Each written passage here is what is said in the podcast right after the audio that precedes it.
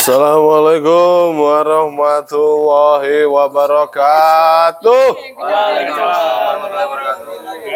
Kenapa, Vi? Bisa kamu yang lemes.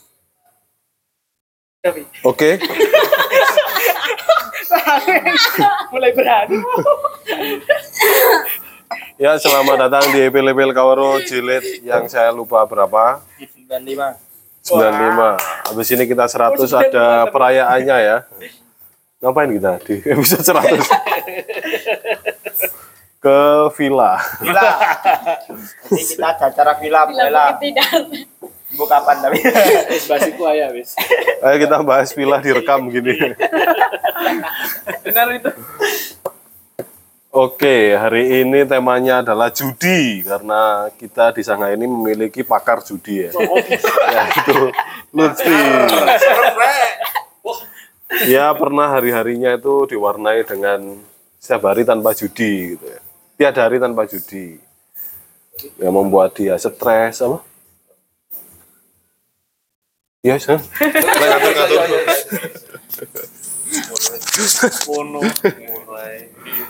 Ya, sebelum kita memulai membahas judi-judian, kita apa pahami dulu bahwa hidup ini juga judi dan perlu dilakukan dengan tenang ya perjudian ini. Oh, kok bridgingnya kok abot pun. kamu harus bertanggung jawab itu ya nanti iya loh kamu harus bertanggung jawab kehidupan nanti Loh iya. Apa kan banyak pilihan-pilihan yang kompleks sekali dan resikonya kadang tidak sesuai dengan apa yang kita pikirkan, keberhasilannya juga tidak sesuai gitu kan. Itu kan sama saja dengan judi sebenarnya.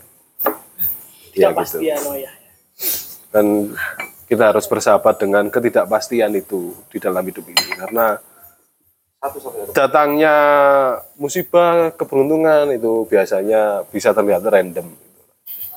Terlihat. Ya. nah untuk kita bisa memiliki skill tenang dan bahagia di dalam ketidakpastian ini marilah kita mulai pembahasan ini dengan meditasi agar kita memiliki skill itu. Silakan. sedikit Siapa yang mau memimpin? mas Otis entek kok Jogja Masa nggak ada apa oleh-oleh kebijaksanaan dari Jogja? Rek? Aku biar teko Jogja langsung ngisi loh. biyen. Teko Jogja langsung ngisi childhood trauma masih kok self cook. Sama masa gak ngisi apa-apa iki. aku teko Banyuwangi langsung ngisi Iya. Perut kamu di Ya udahlah. Ayo silakan Mas Sigit. Ya udahlah ya. biasa deh Iyalah. Seperti biasa. Ini telepon aku. Saya dekatkan ya. Ya, ada pendengar jarak jauh Mas Farid dan Mbak Dila. Iya, selamat malam. Halo. Mari Dila Iya. halo hey. Gak usah dijawab ya, karena kita nggak dengar. Gak di loudspeaker. Seperti biasa, eh, saya membebaskan bagaimana cara untuk mer- merasa nyaman ya. Boleh duduk, boleh biasanya orang sing lungguh. Iya. mana itu orang itu Boleh menutup mata, boleh membuka mata, silakan. Boleh nggak ikut juga. Boleh tidak ikut, tidak apa-apa. Ya, karena kehadirannya di sini aja sudah cukup sebetulnya. Boleh. Baik, silakan em, dipersiapkan. Kalau ada terbesit niat malam ini mau mencapai apa atau merasakan apa, silakan diniatkan saja. Meditasi malam ini mau diniatkan untuk merasakan atau meraih apa, silakan. Baik, meditasi saya mulai ambil nafas panjang dan hembuskan dan siapkan diri kita untuk merasa tenang.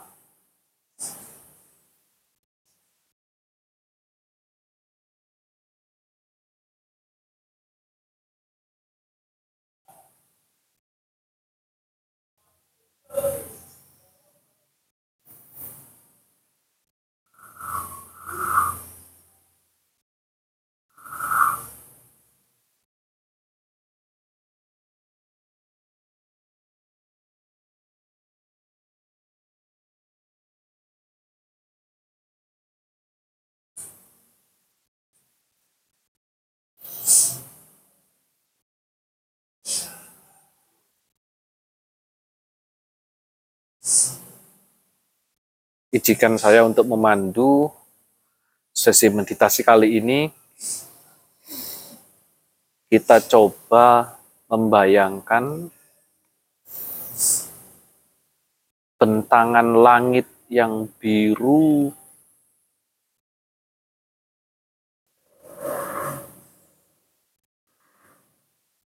yang luas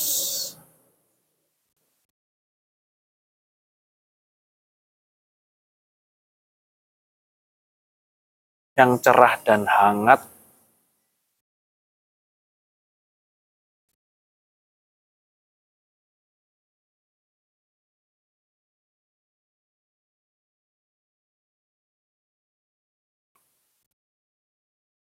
Kita bayangkan di tengah-tengah langit itu ada senyuman yang merekah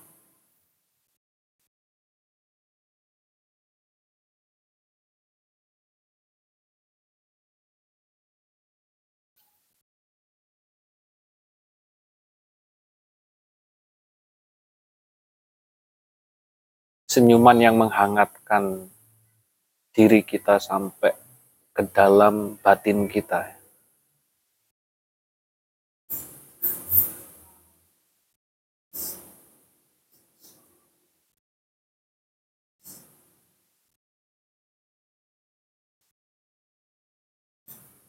Kemudian kita lembutkan kelopak mata kita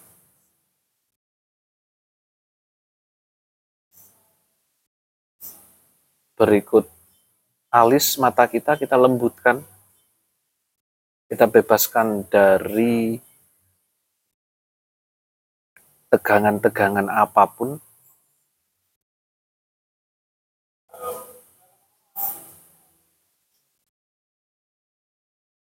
Kita bayangkan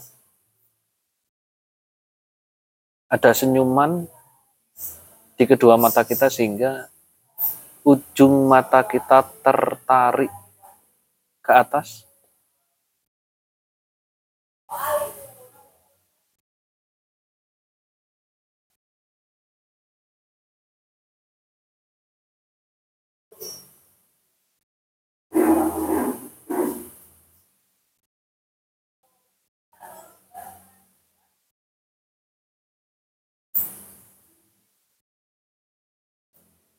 Kita lembutkan kemudian bibir dan lidah kita kita biarkan mereka beristirahat. Melepaskan sejenak dari tegangan-tegangan.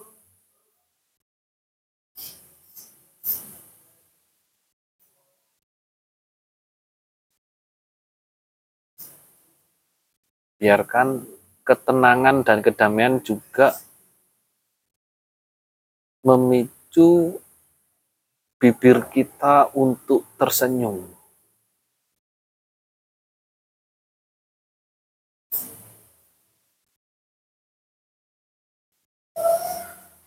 Biarkan senyuman itu hadir di bibir kita.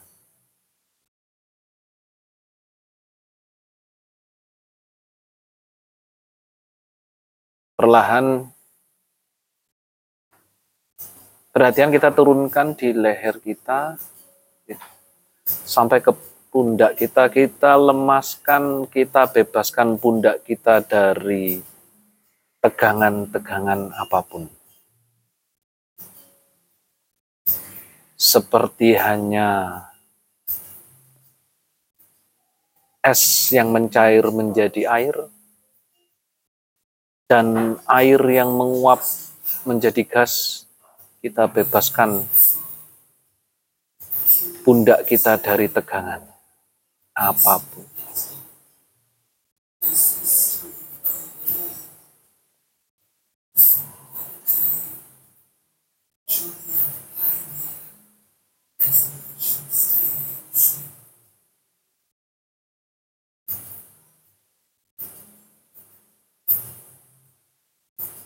Kemudian perhatian kita tuh arahkan kepada kedua lengan dan sampai ujung jari-jari tangan kita. Kita lemaskan kita bebaskan dari semua tegangan apa pun. Kita bayangkan hangatnya langit yang tanpa awan itu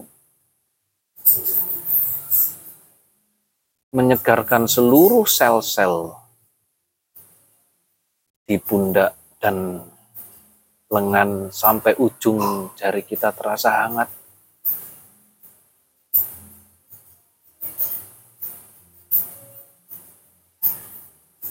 Terasa segar.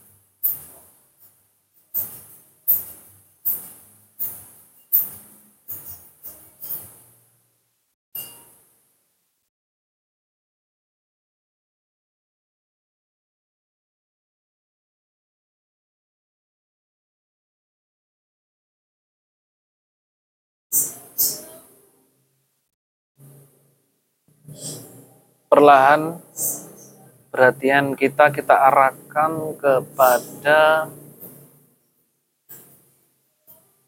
jantung kita dan kita bayangkan ada senyuman yang tulus merekah di dalam jantung kita.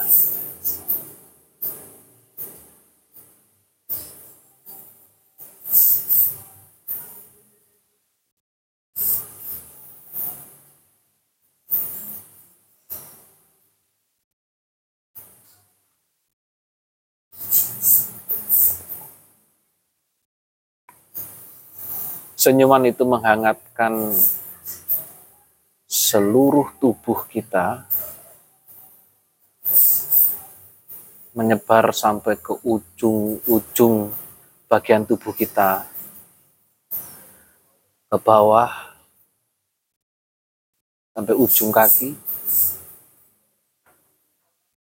ke atas, sampai ujung kepala, dipenuhi dengan kehangatan dan kesegaran.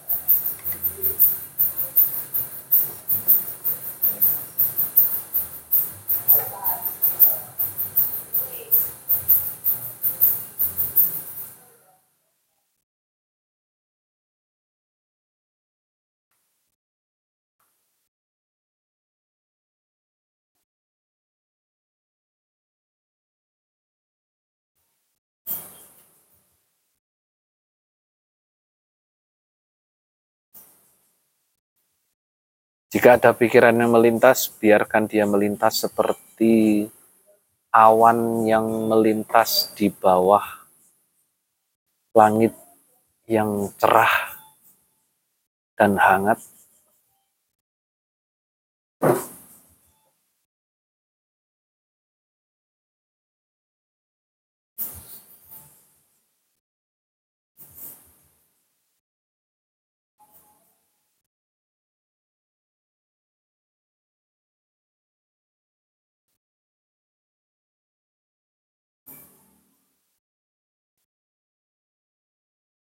Jika hari ini kita terikat pada residu-residu pengalaman atau emosi buruk yang tidak menyenangkan, mari kita ingat selalu ada langit biru di atas awan yang mungkin menghitam atau mungkin hujan langit biru itu selalu ada untuk kita. Dia selalu hangat, selalu memberikan senyuman.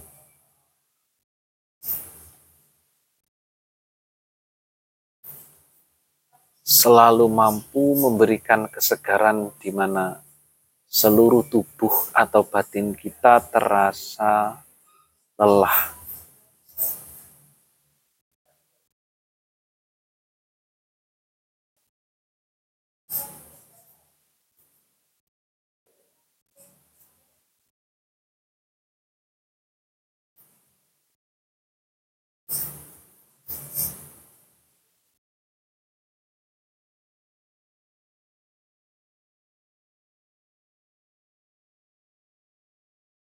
Yang mungkin perlu kita lakukan hanyalah menunggu.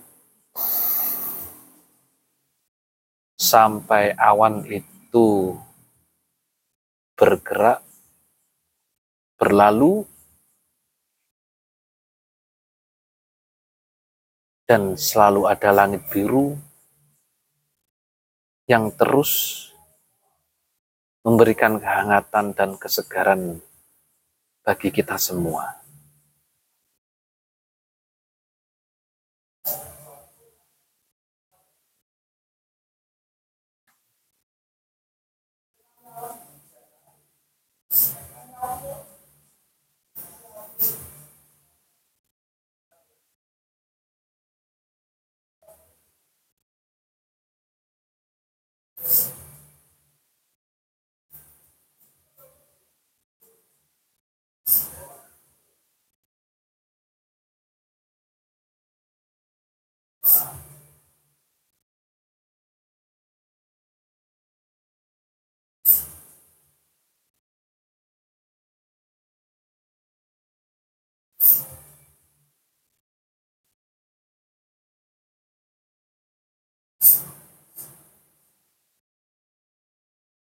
Kapan pun, di mana pun, dan apa pun yang kita rasakan akan selalu ada langit biru.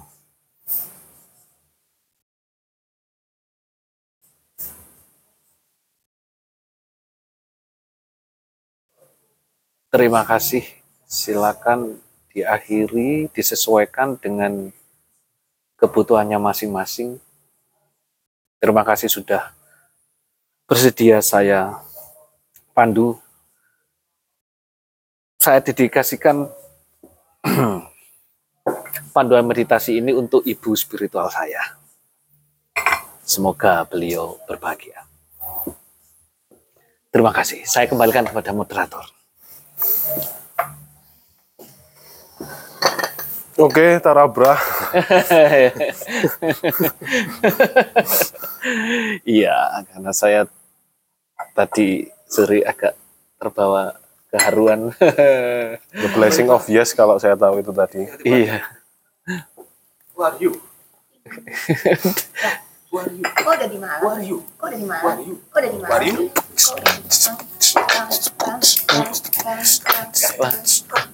Cukup. Mari kita kembali kepada topik judi. Oh ya, sebelum kita ke topik yang tidak penting ini, kakak, kakak lu. kita bahas itu dulu aja meditasinya. Ya, silakan. Karena tadi, oh iya rek, Oh iya. kakak, aku bahas chat, monolog chat, sorry sorry sorry. Akhirnya, akhirnya tahu-tahu, yoi. Anu, mari kita saling berbagi pengalaman apa yang kita rasakan tadi. Ya, apa sih Mas Otus? Lah ibu ngono gak terima iki aku moderatornya. Pandangannya penuh sinisme ngono. Atau sa- saya saja yang rapuh paling ya. Dilihat siapa pun merasa di sini sih. Oke. Oke Devi, bagaimana kesan?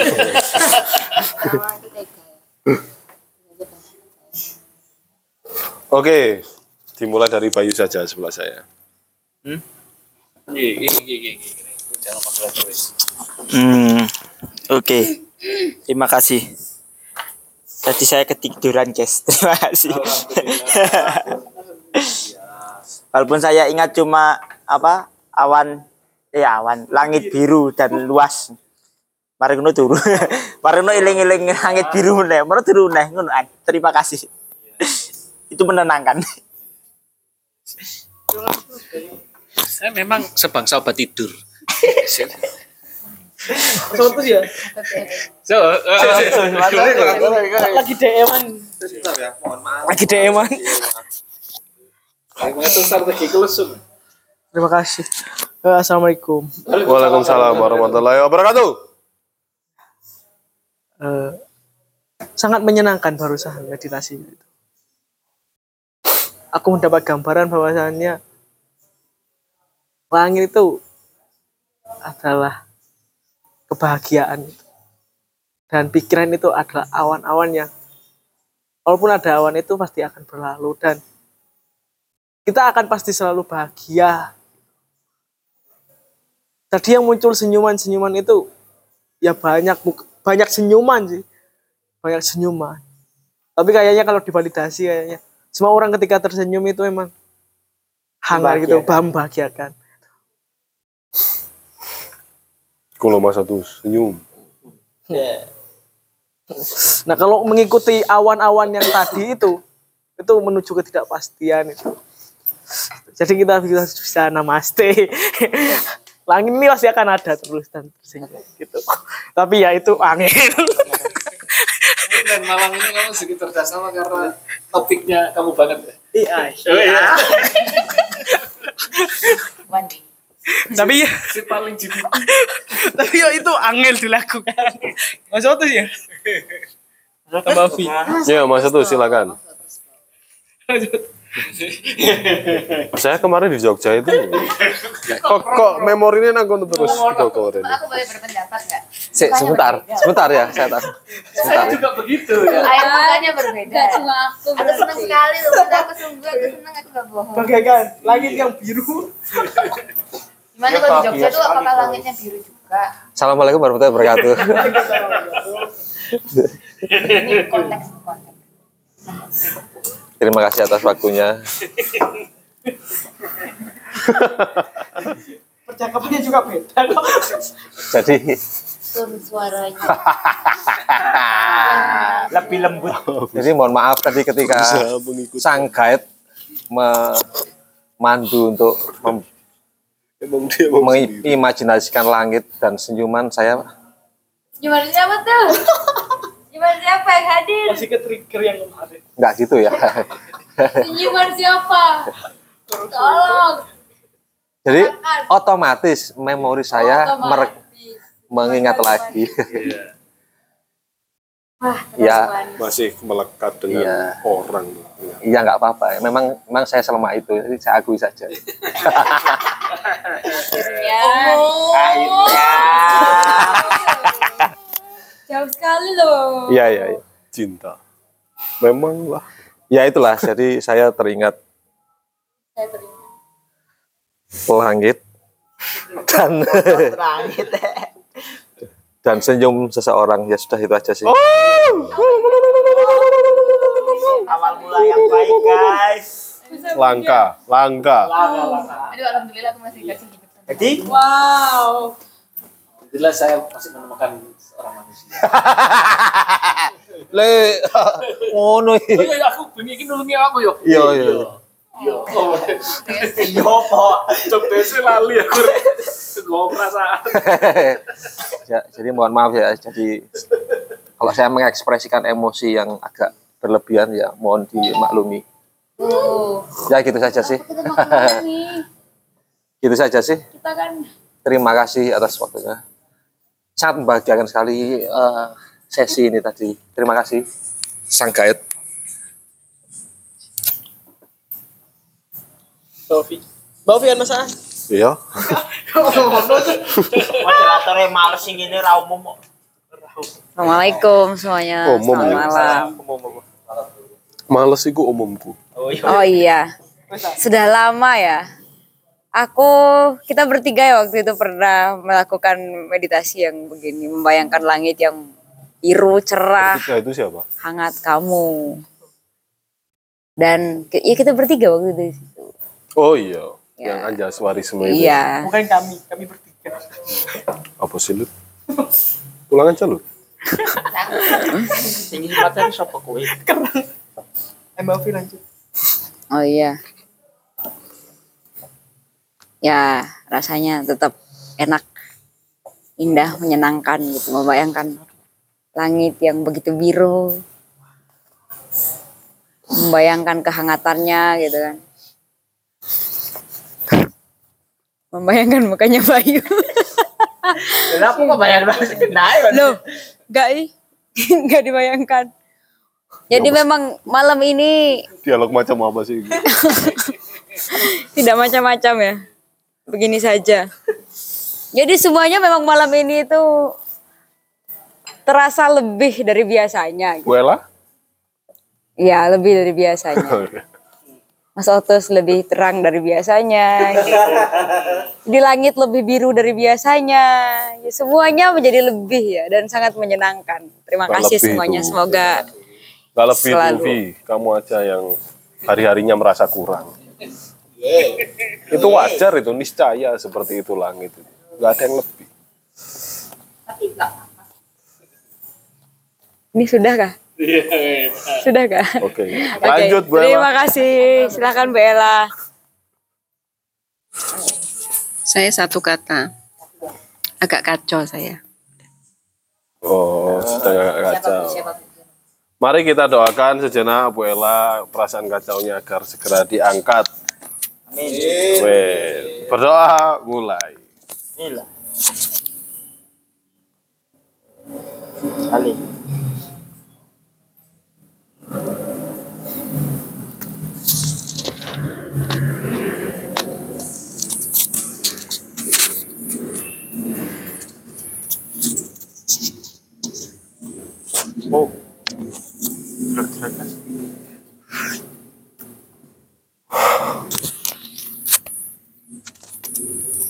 Oke baik, semoga semangat Bu Ella. Kita bersama Bu Ella. Apa iki? Iki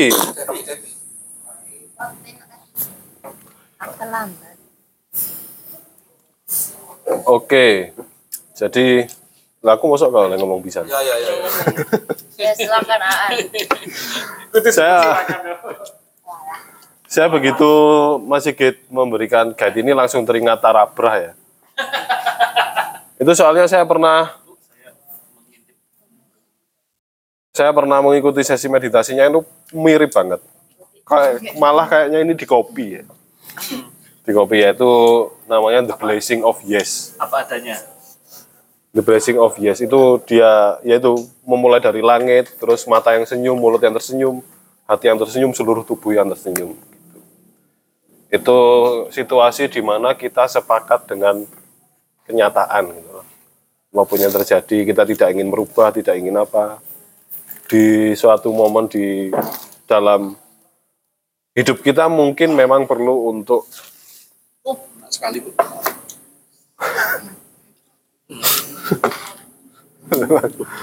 perlu untuk menyempatkan diri ya untuk menyetujui kenyataan gitu. Karena itu dilanjutkan di meditasinya Rupert Spira itu ngomong bahwa dia itu mengatakan di di dunia ini tidak ada yang bisa membuatmu bahagia.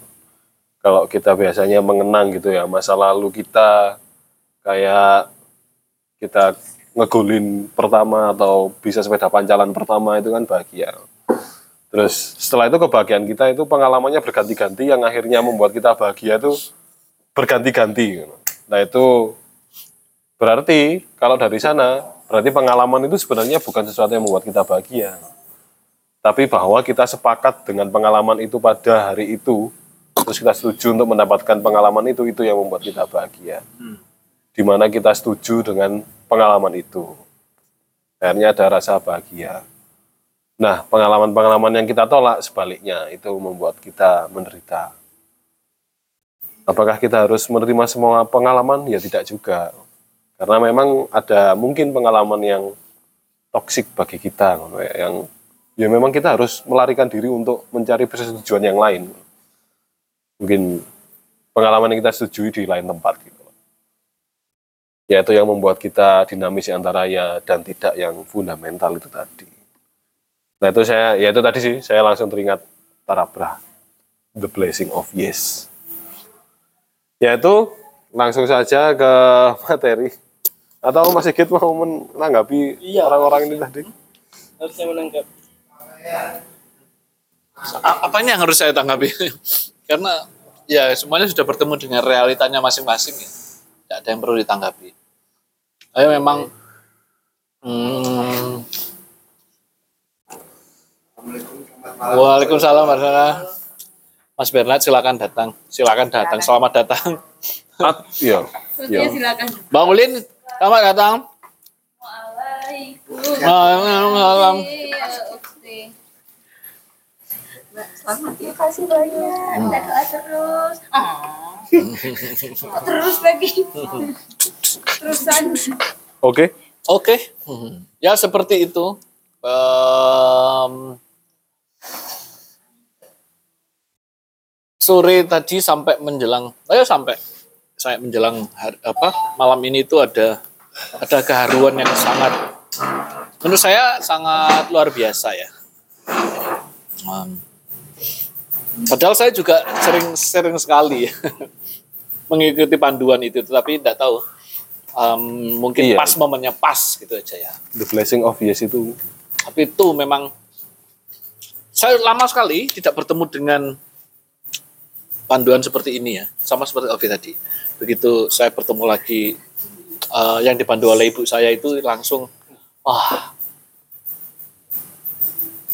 ya memang saya menjadi salah satu mungkin orang yang merasa bersyukur pernah mendapatkan izin dan pengalaman untuk hidup. Jadi ya tidak apa-apa, itu aja. Yang lainnya itu untuk mendukung mungkin semua seluruh kejadian di hidup saya pasca lahir dan sampai pada titik tadi sampai mengantarkan pada hari ini itu hanya untuk merasakan momen haru tadi aja. Jadi semuanya sudah kelar. Ya. Oke. Top. Hidup tidak apa-apa. ya begini-begini saja. Terima kasih. Oke, sebelum ke materi, mungkin saya itu saya addressing elephant in the room. Eh, ini saya menawarkan kepada Bu Ella. Apakah ingin membahas apa yang membuat kacau itu terus gak usah direkam ya nggak apa-apa. Ya. Kita berikan ruang untuk mengekspresikan kekacauannya mungkin Bu Ella tidak ada tempat. Di sini kita menyediakan. Boleh, boleh. Jadi materinya di stop dulu kita rekamannya cuma meditasi itu saja, nggak usah ada rekaman atau direkam nggak apa-apa ya direkam kalau enggak ya nggak apa-apa. Bagaimana Bu Ella? Nggak apa-apa direkam. Karena beberapa hari ini kakak saya baru meninggal. Ini. Jadi eh, hubungannya saya dekat sekali. Terus kalau ada apa-apa itu dia langsung handle gitu. Jadi buat saya kakak saya itu juang keluarga ya dari ayah saya. Nah, yang membuat kalut jujur aja eh, saya ke bapak saya itu figurnya kuat banget. Pasangan saya nggak ada. Kakak saya yang untuk bersandar saya nggak makanya agak kacau. Saya agak kacau nggak nggak bisa. Ya mungkin saya ketawa tapi dalam hatinya hancur gitu mas. Jadi bisa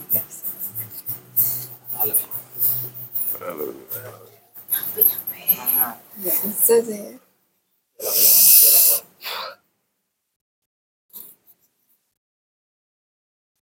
Tuh, jadi mana ya nggak bisa cerita saya kasihan Ibu bisa bersandar di saya kok. Atau di saya yang lebih besar. Eh, Aku yang mau yang. Iya. ya bukan berarti mengecilkan masaan semua Eh, jujur saya sudah nganggap kayak anak saya saya semua tuh nyaman di sini bener kayak Mbak Devi segala macam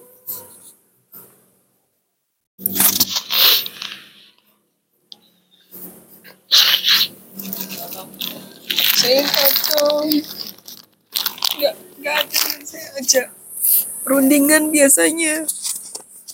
Terakhir bulan puasa sebelum puasa sebelum dia sakit. Saya eh, ke sana. Eh tak antar ya. Antar saya ke rumah. Tumben di sini enggak. Deket banget, deket banget. Memang eh, agak bandel. Kalau ke orang tua saya bandel. Barang-barang orang tua saya diambilin tapi dia tanggung jawab gitu loh sama adiknya apalagi saya udah nggak ada suami gitu. Baik banget. Buat saya gitu. saya mamanya gini gimana. Udahlah yuk. Tapi kasihan dia. Sorry ya mas ya akhirnya saya cerita apa adanya. Enggak apa-apa. Eh, dia pressure dan tekanan kuat sekali. Dia nggak dihargai sama istrinya. Kasihan sekali. Tuh. Nah jadi sudah nggak ada sih yang untuk untuk tanya cerita. Nggak ada. Aja saya sampai nggak bisa tidur tiap malam nggak bisa. Ya mungkin ya. Umur kan nggak ada yang tahu. Kenapa? Eh, Farid sudah di Jakarta. Asri di Jakarta. Jadi kakak saya satu. Kadang saya sering main. Saya buatin roti tawar. Nah. Ibu saya udah 96 jadi kalau rundingan apa ya orangnya entengan gitu loh. Gimana sih? Ringan gitu. Sekarang nggak ada jadi ya. Karena mirip kayak bapak saya sosoknya itu mukanya persis. Saya nganggapnya kak saya kayak orang tua saya. Mas ini ya. Makanya kacau. Maaf saya agak. Enggak perlu minta maaf. Itu wajar sekali untuk terjadi iya jadi perasaan jenengan. mungkin eh, pelan-pelan ya ya udah terima kasih mas Itu Ah. kapan meninggalnya? seminggu yang lalu ya seminggu yang lalu jadi sebetulnya dia sudah pendarahan otak yang sudah menyebar itu jadi salah satu contoh aja eh, dia dikasih uang anaknya untuk ke kakak saya itu biasakan bakti seorang anak.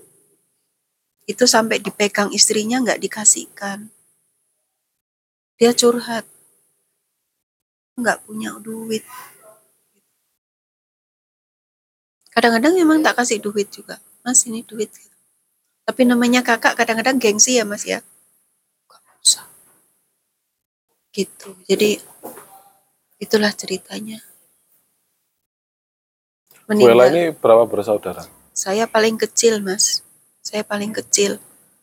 Eh kasihan juga dia. Karena terus terang aja dia kan menikah sama istrinya nggak disetujui bapak saya. Jadi waktu akad nikah itu bapak saya di rumah tiduran. Nggak mau hadir tapi sebetulnya baik. Baik. Kalau ke adiknya itu apa ya? Berjuang gitu loh.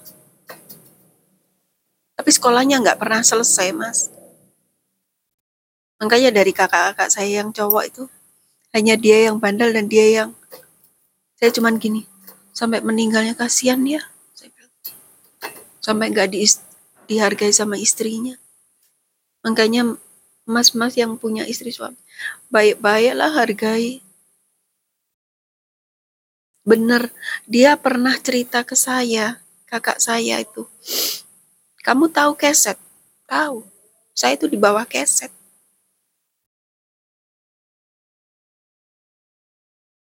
Gitu loh. Jangan gitu ya saya bilang gitu. Ke Asri kemarin jangan gitu ya ke suami ya. Jangan deh jangan tetap dihargai jangan jangan jangan saya sering gitu makanya kadang-kadang malam datang mas ke rumah nyambangin saya gitu lihat Ya udah. Saya sampai gini. Begitu eh, kakak saya meninggal gitu. Wah, habis ini giliran saya ya. Saya kebayang terus setiap tidur itu gitu. Habis ini giliran saya ya. Sampai tadi pagi itu ada temen datang. Itu ada rumah dijual. Aku nggak beli rumah. Kita tuh mati cuman berapa meter. Hus. Ya aku kok ngomong gitu ya?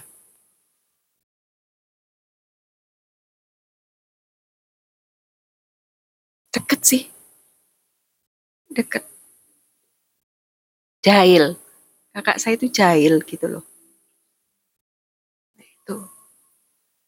Ya mau gimana ya kakak kandung ya? Gimana-gimana? Meninggal. Jadi cuman pikiran saya karena kacau gitu, saya mikiran satu. Habis ini giliran saya.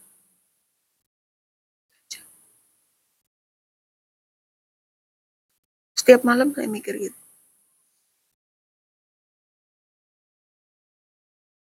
Nah, itu aja Mas. Terima kasih. Nggak tahu saya ceritanya kok ngalor ngidul ya. Enggak apa-apa. Ya. Iya. Terima kasih ya. Terima kasih yang di sini. Ya.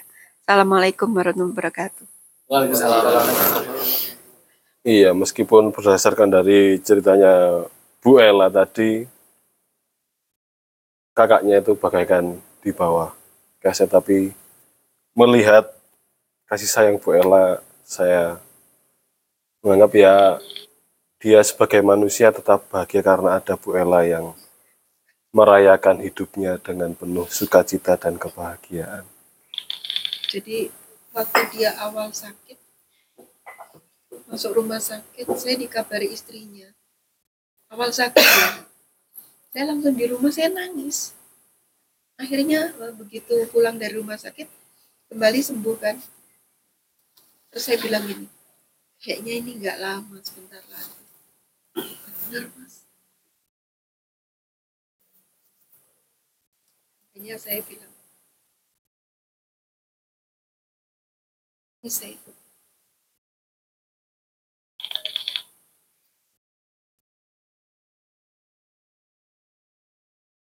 dulu eh, kakak saya itu karena bandel masuk lembaga pemasyarakatan hukum berapa tahun? Bandel mas. Bandel. Tapi ke keluarga tanggung jawab gimana ya? Saya nggak bisa ceritakan. Sebelum dia sakit tuh saya mau cerita ini meditasi. Tapi udah keburu sakit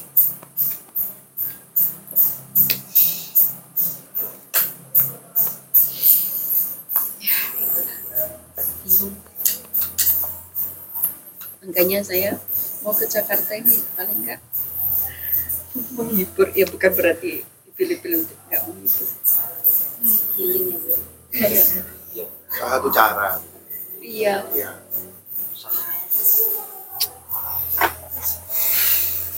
kayak kemarin mas Oto juga habis dari Jogja healing begitu iya ya? Alhamdulillah kak enteng itu pikirannya makanya saya pesan sama yang di sini masih ada bapak ibu.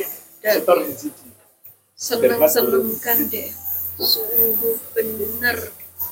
Yang punya suami istri laden yang baik. Bener bener udah deh. Bener sungguh ibadah. Bener gitu. Buat eh, Mbak Devi buat orang tua buat senyum lah mereka. Itu aja. Saya ngomong sama anak-anak saya saya cuma ingin membuat senyum senyum orang tua saya. Cuman kita ladeni buatkan kopi senyum ya simple kan? Tapi dalam artinya saya cuma gitu aja. Kakaknya Bu Ella siapa namanya Bu? Edi Om Edi. Umur berapa? Bu? 70 70. 70 kakak saya yang pertama 85 masih hidup masih ada Kira-kira Bu, ini menarik nih. Kira-kira Bu, dari tadi Bu kan cerita apa namanya dinamikanya Om Edi itu nakal, terus apa namanya jadi pacaran mulai SMP ya di keluarga itu jadi anomali begitu ya. Tapi sayangnya luar biasa ke keluarga maupun ke Bu Ella begitu ya. Kira-kira setelah Om Edi meninggal ini, Bu Ella masih ingat nggak kira-kira? Mungkin pesan atau bentuk sayangnya Om Edi ke Bu Ella itu apa yang membuat Bu Ella itu merasa bahagia, merasa senang, merasa merasa ya eh, hidup ini memang memang harus dilalui dan memang harus terus semangat. Itu ada nggak bu? Itu mestinya ada sih kira kayak kayak- kayaknya. Melihat ceritanya Bu Ella yang begitu dalam gitu. Atau mungkin pelakunya Om Edi yang Bu Ella ingat itu membekas di ibu. Yang membekas waktu itu eh, membekas itu karena saya waktu itu di Medan yang ngurusi anak saya waktu kos pindah. Dia sangat ringan banget bentuk-bentuk ringan tangannya bu ya. sini tak urusnya ya pas tapi memang sih ki- kita satu saudara temperamen semua. Tapi saya nggak melihat itu. Saya tidak melihat itu. Cuman saya sedihnya istrinya ya gitu. Sian ya gitu detik-detik terakhir. Jadi eh, karena dia opname waktu itu jadi ada botol kosong ada bekasnya minyak kayu putih. Diisi air putih diminum kasih. Aku nggak tahu. Jadi saya jadi melihat gini ini mas saya itu sakit kritis kok. Istrinya santai banget sih cuman gimana gimana? Karena kakak saya itu kayak sosok bapak saya. Iya. gitu. Kayak sosok bapak saya. Jadi seandainya saya kerepotan gitu udah dia nyetir pickup sendiri udah anakmu tak pindahin boyongan kosan. Gitu. Memang bandel sih. Tapi dia Tapi nilai dari Saking ringan tangannya itu bu, ringan yang tangan. apa namanya? cuman eh, enam saudara dia udah meninggal cuman saya mikir gini di sini saya sering kemarin itu ada teman saya Gus Mikir. padahal dia paling sehat jadi sekarang itu yang shock saya sama kakak saya satunya cowok ringan tangan. Jadi kemarin kakak saya di atas dia itu kan cowok. Ya. jadi dia kena stroke. Langsung dia ngambil ambulan ke rumah sakit gini sehat dia. Ya itu ringan tangannya. Eh, itu itu. Jadi sudah nggak ada. Sudah nggak bisa. Deh. kan cowok tiga mas. Iya. yang dua pakai tongkat semua sekarang yang satu meninggal itu jadi ya namanya sekandung mas satu perut Iya ya. bu. satu perut satu perut di ibu saya ya gimana Iya. gitu Bisa biaya lah. iya jadi kemarin tuh ibu saya diberitahu juga nangis gitu kan udah usia 96 terus kata ibu saya makanya saya kok impan-impan ketok-ketok kayak jalan ke sini. Jadi waktu opname pertama saya di rumah saya dikabari sama istrinya. Saya di depan TV nangis saya gak tahu saya kok bisa nangis ya? Saya merasa nggak bakalan lama. Gitu. saya pernah ditanya sama kakak saya bapakmu kok sering nginep di tempat saya gitu kan. Saya bilang sama kakak saya yang cowok saya cuma ingin buat bapak saya senyum jadi nggak berantem lagi. Gitu. Ya cerita saya ambil aja yang positif. Iya. nah atas dasar itu mas yang dulu saya cerita. Di depan ini di depan di Filipina ini. Karena kakak saya laki-laki bandel semua. Makanya saya milih pasangan. Udahlah. Insya Allah kalau menurut menurut Menurut Bapak, nah pasti selamat kok. Gitu aja saya. Gitu. Karena memang bapak saya kan sering berantem mas bapak ibu saya. Waktu itu saya SMA kelas 3 tuh ini caranya ibu bapak saya gak berantem lagi. Gimana ya? Waktu kelas 3 SMA terus saya bilang sama bapak ibu saya bapak saya bapak saya kan istilahnya orang Jawa kerang saya bilang ini sebelah pak. Kalau saya enak bapak enak ya. Hmm.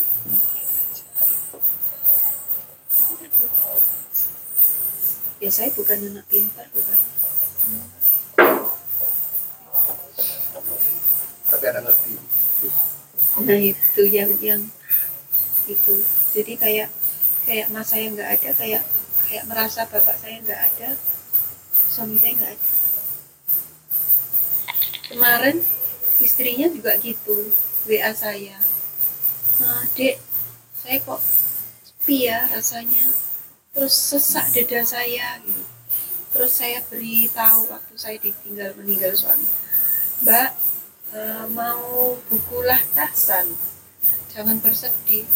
Ya udah pinjam saya kirim. Udah mbak ini aja. Itu. Karena saya awal diberitahu itu sama orang Medan. Baca itu gitu. Loh nah itu aja. Tahsan jangan bersedih. Akhirnya buku itu cuman saya intinya bersedih hanya tiga hari lebih dari tiga hari setan itu itu aja. Saya beritahu seneng dia. Gitu. cuman ya maaf ini masih berapa minggu ya jadi agak kalau sedih. Harusnya seneng kayak Billy dulu. Saya senang sih. Tapi kacau tadi itu meditasi rasanya. Bingung gitu nggak ngerti ya. Gitu.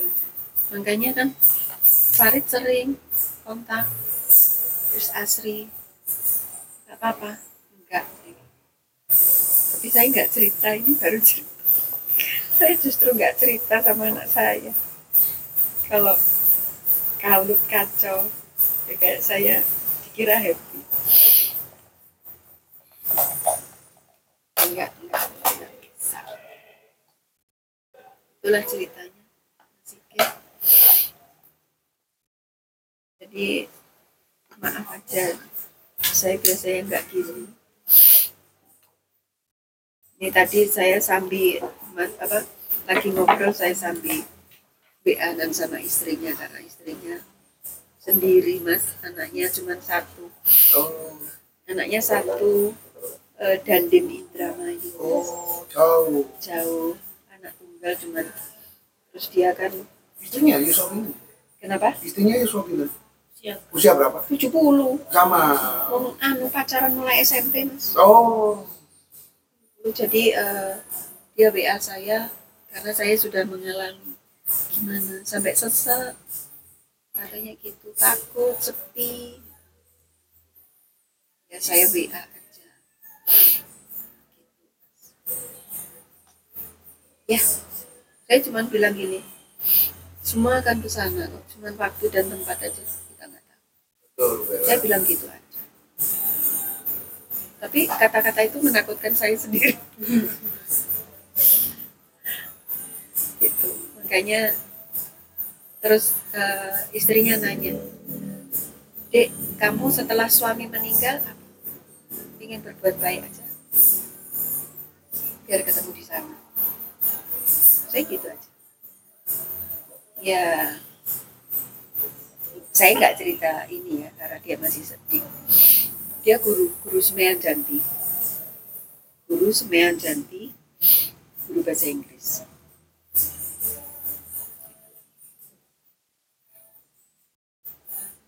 Eh, mungkin tahu itu toko kudusan itu yang jual uh, kopiah sama Iya. tokonya kecil. Ya itu punya punya istrinya kakak saya. Toko keluarga besar.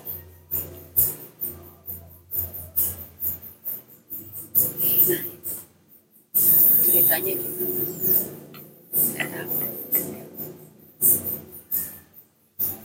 Sangat respect. Itu aja. Orangnya sangat respect. Dan tampilannya sederhana pakai sandal jepit celana pendek buat saya sangat respect. Tapi begitu nggak ada ya namanya skandung ya mas ya. Sebenci-bencinya bandel-bandelnya ya kalau anak-anak saya kan nggak tahu sejarah waktu saya kecil sama anak saya.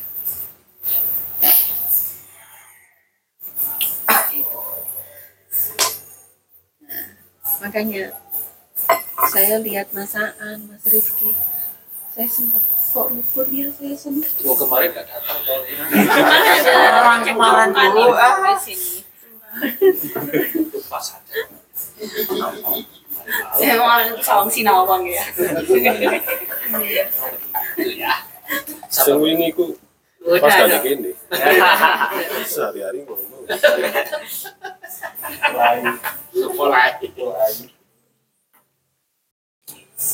Ya gitu. Tempat saya kalau lagi berantem cowok-cowok Ya. pakai karate. Iya mas. Nah, saya dua-dua juga gitu. Gimana?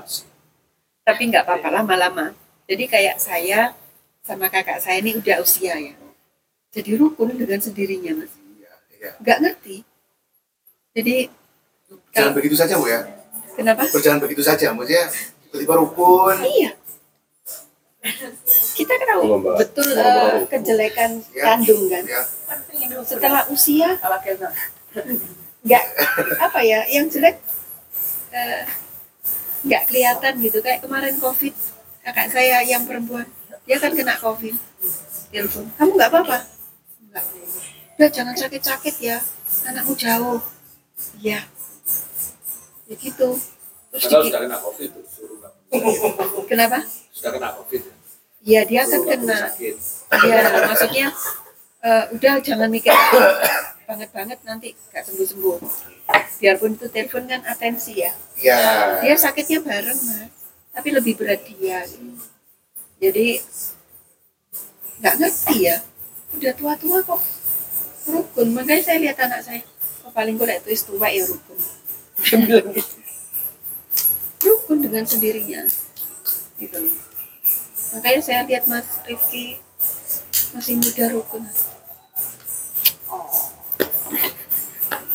Egonya boleh nggak rukun, secara jiwa rukun aja. tapi satu, satu kandungan semua gitu ya. Nggak ada yang Pasti ada yang gitu gitu ya. ya. Terus saya belum. Plak plak plak. Lu yang plak plak plak. Ya. Kudu kudu plak ya.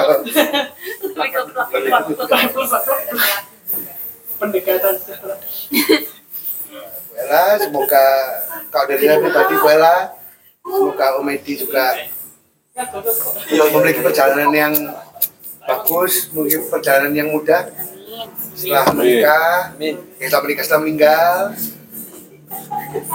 Eh, iya, ini saya mencoba membagikan kebahagiaan saya setelah menikah. Ya semoga Om Edi juga terus apa namanya memberikan energinya meskipun sudah tidak bersama ibu di sini dan ibu juga berkat pengalaman-pengalaman dengan Om Edi juga terus berbuat baik. Jadi yang saya ingat tuh masa kita masih itu kecil gitu loh mas. Bukan pada nikah nikah misalnya gini kakak saya meninggal gitu. Namanya anak kecil saya mas minta gitu. Dia ini makan kerupuk. Eh itu jailnya saya kalau ingat gitu ya. Itu saya ingat masa kecil saya sama dia anak saya nggak tahu. Terus eh, kamarnya dipasangi celurit mas. Celurit. Untuk endi? itu untuk tukang becak. Kenapa? Biar maling apa apa takut gitu loh. Gitu. Berani. Makanya saya dulu SD SD dulu kalau pulang sekolah kan ada yang nyegat kan anak anak kelas lain gitu loh. Saya dicegat sama cowok itu. Dia kakak saya nih udah dia masuk gang mana udah siap-siap. Nah, saya jadi ingat flashback gitu loh. Yang yang kakak selalu apa ya? Ya gitulah ya. Tapi bandel memang. Bandel. Rata-rata kan memang bandel kan. Ya bolos uang sekolah nggak dikasihkan sekolah buat pacaran. Terus terus apa ngamplengi wakil kepala sekolah. Gitu. tapi kalau ke keluarga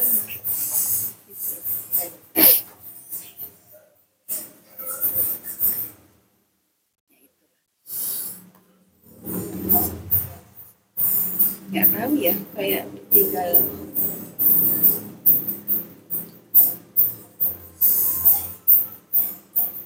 nggak enak Yalah gitu aja terima kasih Sama-sama. Sama-sama Bu Ella. Terima kasih ceritanya Bu Ella. Iya, di umur 70 itu tujuh kalau di Jawa kan pitulungan ya. Jadi pasti mendapatkan pertolongan Allah Subhanahu wa taala. Amin. Oke, mari kita panjatkan doa kepada Om Edi. Berdoa dipersilahkan.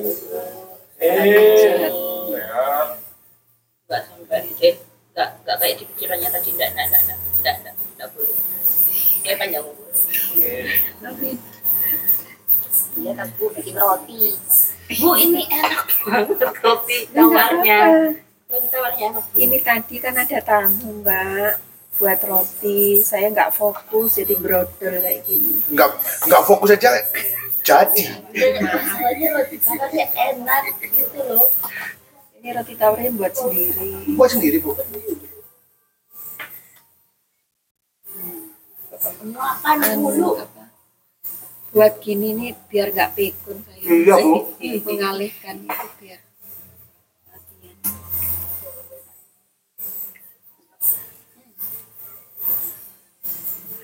Tawarnya enak enak.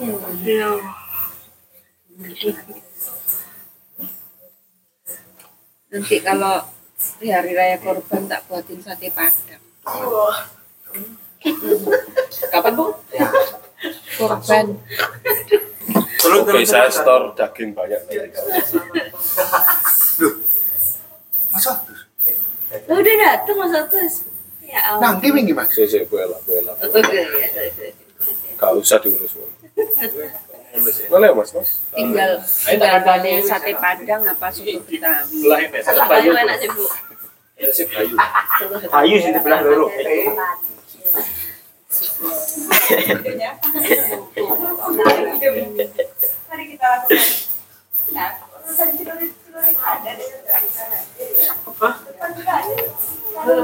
Masya Allah. Yang nikah juga tak. Foto dong, foto dong. Foto dong, foto dong. Foto dong, serah terima. Serah terima. Satu aja tiga action. Lah aku lak malah gak oleh kadel.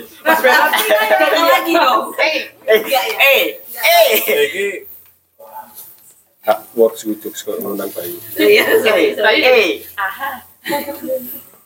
Tapi rencana Tapi aha. Juli ke sini mas. Mau ikut terus mau hubungi mas Otus. Mau jalan apa ke mana? Jalan-jalan. Iya wis. Tapi alhamdulillah masih Kate Farid sekarang buat saya gini. Senang saya. Alhamdulillah. Dia sudah enggak enggak apa? Enggak berebet-berebet gitu. Alhamdulillah. Terima kasih Mas Sigit. Mas Eki. Sikit yuk. Terima kasih. Yuk, sikit yuk. Biar biar Allah aja lah yang balas ya Mas ya. I said Sigit, you said Sikit yuk, yuk. Yuk, Monggo Mas. yuk, sikit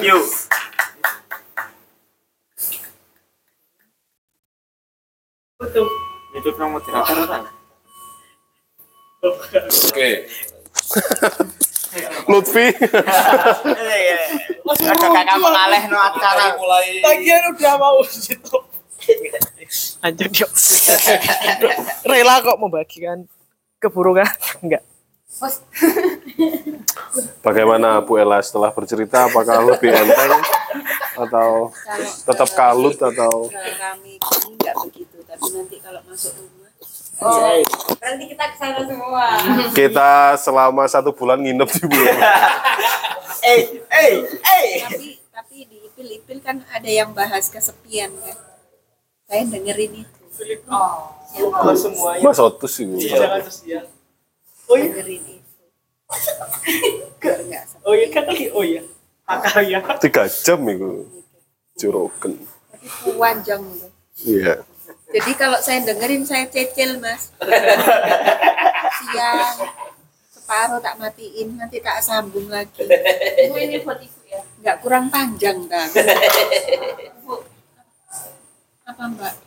Oh iya terima kasih. Yang lain udah dapat. Oh gitu. Enggak, mah kami Devito. Aku rati kayak ih, coba nih ngomong boleh. Amin.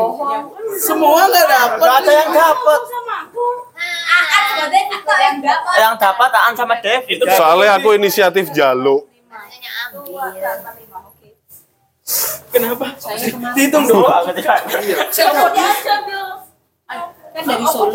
Oh alah. Yang dua minggu. Iya. Ada nikah sama. Gede kok lah. Jadi kalau di Solo itu nggak ke mana. Empres ya. Udah, kemarin dia mau Piring terbang. Itu nggak bergerak. Oke. Ada ke pasar, jalan-jalan. Nggak tahu ke mana. Oma, ada bau cewek lain. Nggak sakit apa Eh, DE iso bergabung aja sama tuh lebih lebih lebih lebih. Kamu hilang bau kembang. Jelas kok ya apa sih? Lagi. Masih Ket. Mbak siapa istrinya? Isinya siapa? Dian. Isinya saya. Mm-mm. Mbak, Mbak Dian. Iya. Mbak Dian atau Mbak Tanti? Berarti bagian sama aja. Sama aja. Dian. Orangnya itu. Kasih podcast mas cerita aku seneng itu. Rungokno. PR. PR mana? Dia itu untuk ditemui saja susah. Bu. Nah, Enggak, saya dengerin. Mas saya dengerin ipil-ipil itu loh. Iya. Emang ada dianya? Lah melaku nyeker itu. Oh, waduh, terus. Waduh Zaman mas. jadul. Gede. Karena kan pas kiamat. cuman tahu sosoknya. Tuh. Sudahlah, dia itu sudah sama saya itu sama saja. Iya iya. Maksudnya bukan Iya, iya. artinya Iya. mengecilkan arti maksudnya. Iya, tapi masih gitu sih ada kurang. Kok jadi kau ya? Beda trigger guys. Em, dia itu mungkin lebih memilih untuk menghadirkan dirinya dengan cara membawa makanan, tidak dengan kehadiran yang fisik. Mengusahakan apa, memberi saya uang untuk bisa mentraktir teman-teman. Tahu saya di rumah lele saja. Jadi mungkin gitu. Peran, perannya itu dia memilih lebih memilih peran seperti itu. Tapi waktu ipil-ipil kesepian itu ada ya komennya. Wah, Iya kan? saya bilang ini. Mas Denny ya melok pasti gue. Yudi. apa ya orangnya itu kalau saya ngomong eh, cerita ya mengenai Mbak Dian nggak pakai tede ngaling-ngaling Jadi ngaling-ngaling itu ada. Ya, cekak To the point. turut caos Ya. tes Lekak gertak. caos ya Cekak aus. cekak aos tes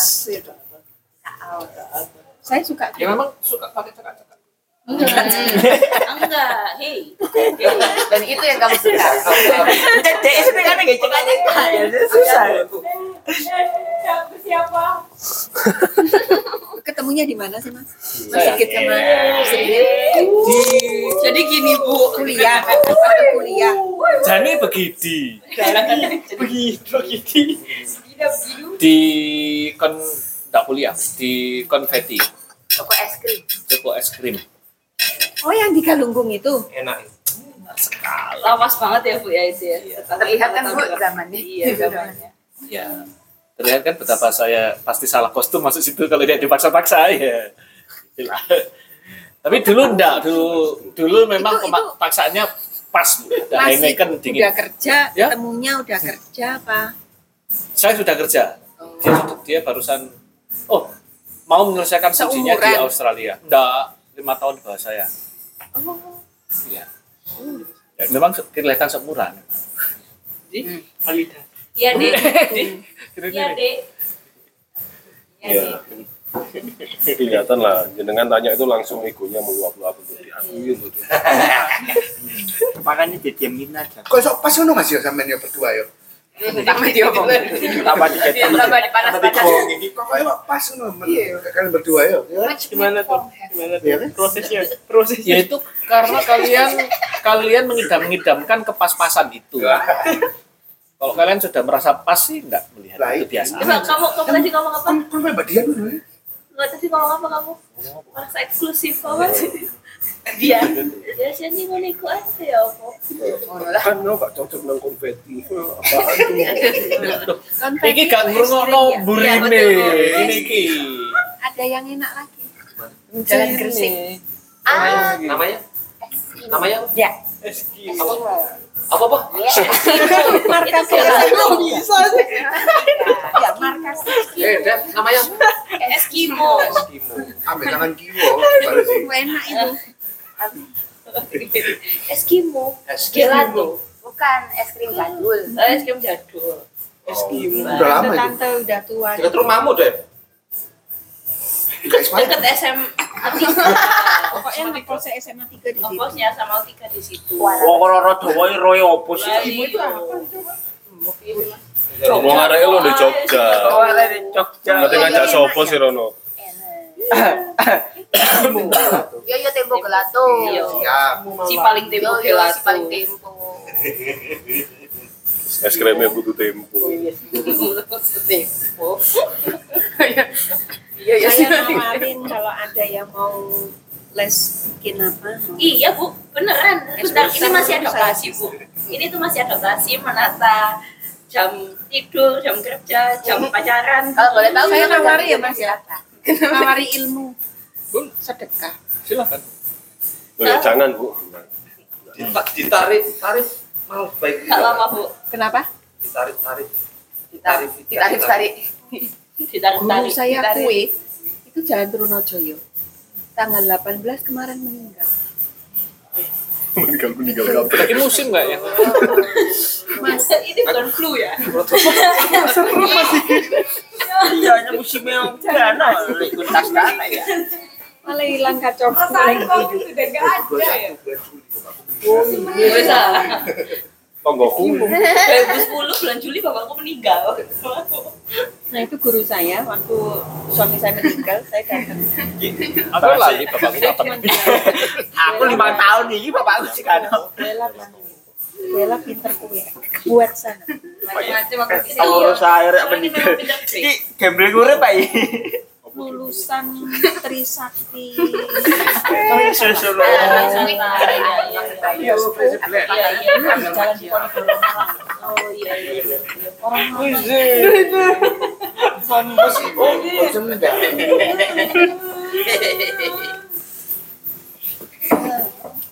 Sama sedikit musim. pasti nyamperin Bu Ella pasti. Soalnya ini masih Ada dekat untuk Ya. evaluasi aja. baru Oh iya. Dia nyamperin gue Hela, nanti aku ikut nonton. Aku mau ikut kok. Aku belum melo ayo melo. Ini golek ngenteni panganan. Si paling masak. Ngenteni panganan masuk aja. Sopo sing boleh makan? Iki. Yang jalan kan kita ada Indomaret. Kalau empek-empek banyak itu ya. Tapi masih Oh saya suka semua bu tenang aja. Pedes. Aku suka ya.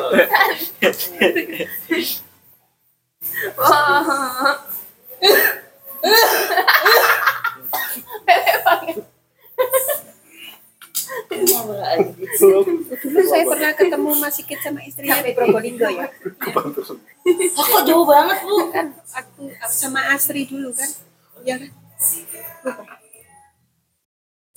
Ke ke mall atau ke mana itu? Probolinggo ada mall. Sepi itu. Anu Bu, Ingat ah? semacam kayak sardo gitu. loh. Oh iya iya. Kayak iya. pasar gitu. Ya. Oh, oh. Cuma lebih gede. Ikan temennya pasti. Tapi Probolinggo itu ikannya gini. Enak fresh.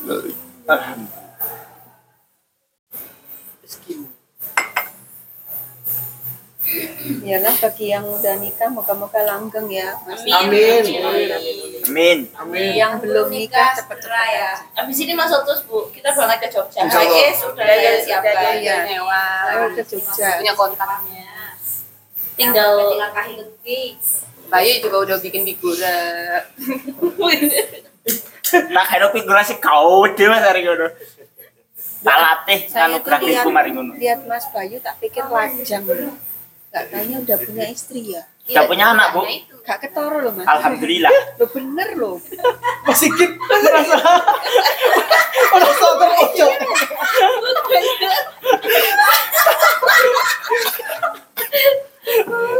Loh itu yang komen Farid juga gitu. Tak pikir Berarti aku Ya, sabu jangan terpantas memang. Apa sih? Kok masih benar. Aku nggak bohong. Tapi bahaya nanti ya. Apa bahaya Bu? Bahaya lah Bu. Dilirak-lirik dikira turun. Dikira bujang. Alhamdulillah Bu. Ya. alhamdulillah.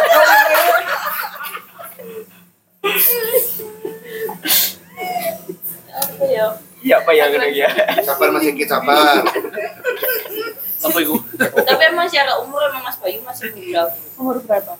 96, eh, 99. Dua tujuh. Masih 27. Oh, Saya, ya, enam ya? iya, tuan kami. masih. Apalagi masih hidup. Anak gue lah gak sungkan. ah. Enggak. Pokoknya sampean. Aku telung puluh. Oh, iku. Ada runane wong batu. Tapi cepet. Tujuh. Nikahnya umur piro mas? Iya mas Bayu nikahnya umur piro? Kenapa namanya? Dua enam. Ada ketawa karir. Bayu? sosial. Ketawa sosial. Kenapa Bayu? Ketawa Bayu. Itu namanya. Anak umur berapa? Eh, oh dua enam ya? Dua lima Bu Rani aku. Anaknya umur Aku lupa. Toko edisi revisi. Revisi. anaknya umur Satu tahun. Istrinya seumuran itu? Empat tahun. Oh lebih tahun. Gak ketoro loh mas. Bener. Jago bu dia bu. Hah? Jago. Jago apa? Jago kandang. Cari istri. Remang-remang wes. Remang-remang. Belum gelap. Oke. Di kandang. Iya juga. Lampu lima lima watan. Awet nom semua kena energinya masih. Oh. Amin. Ayo pulang pulang pulang pulang pulang ayo pulang. pulang. Seneng ngelak, seneng ngelak aneh. Iya, tuh tuh tuh tuh tuh tuh tuh tuh kapan mulai deh. Tawaf. Tawaf. Ganti ya. Bawa aku Mbak Ulin. Terus menetapnya di mana, Mas? Insya Allah di Batu. Oh, di Batu ya.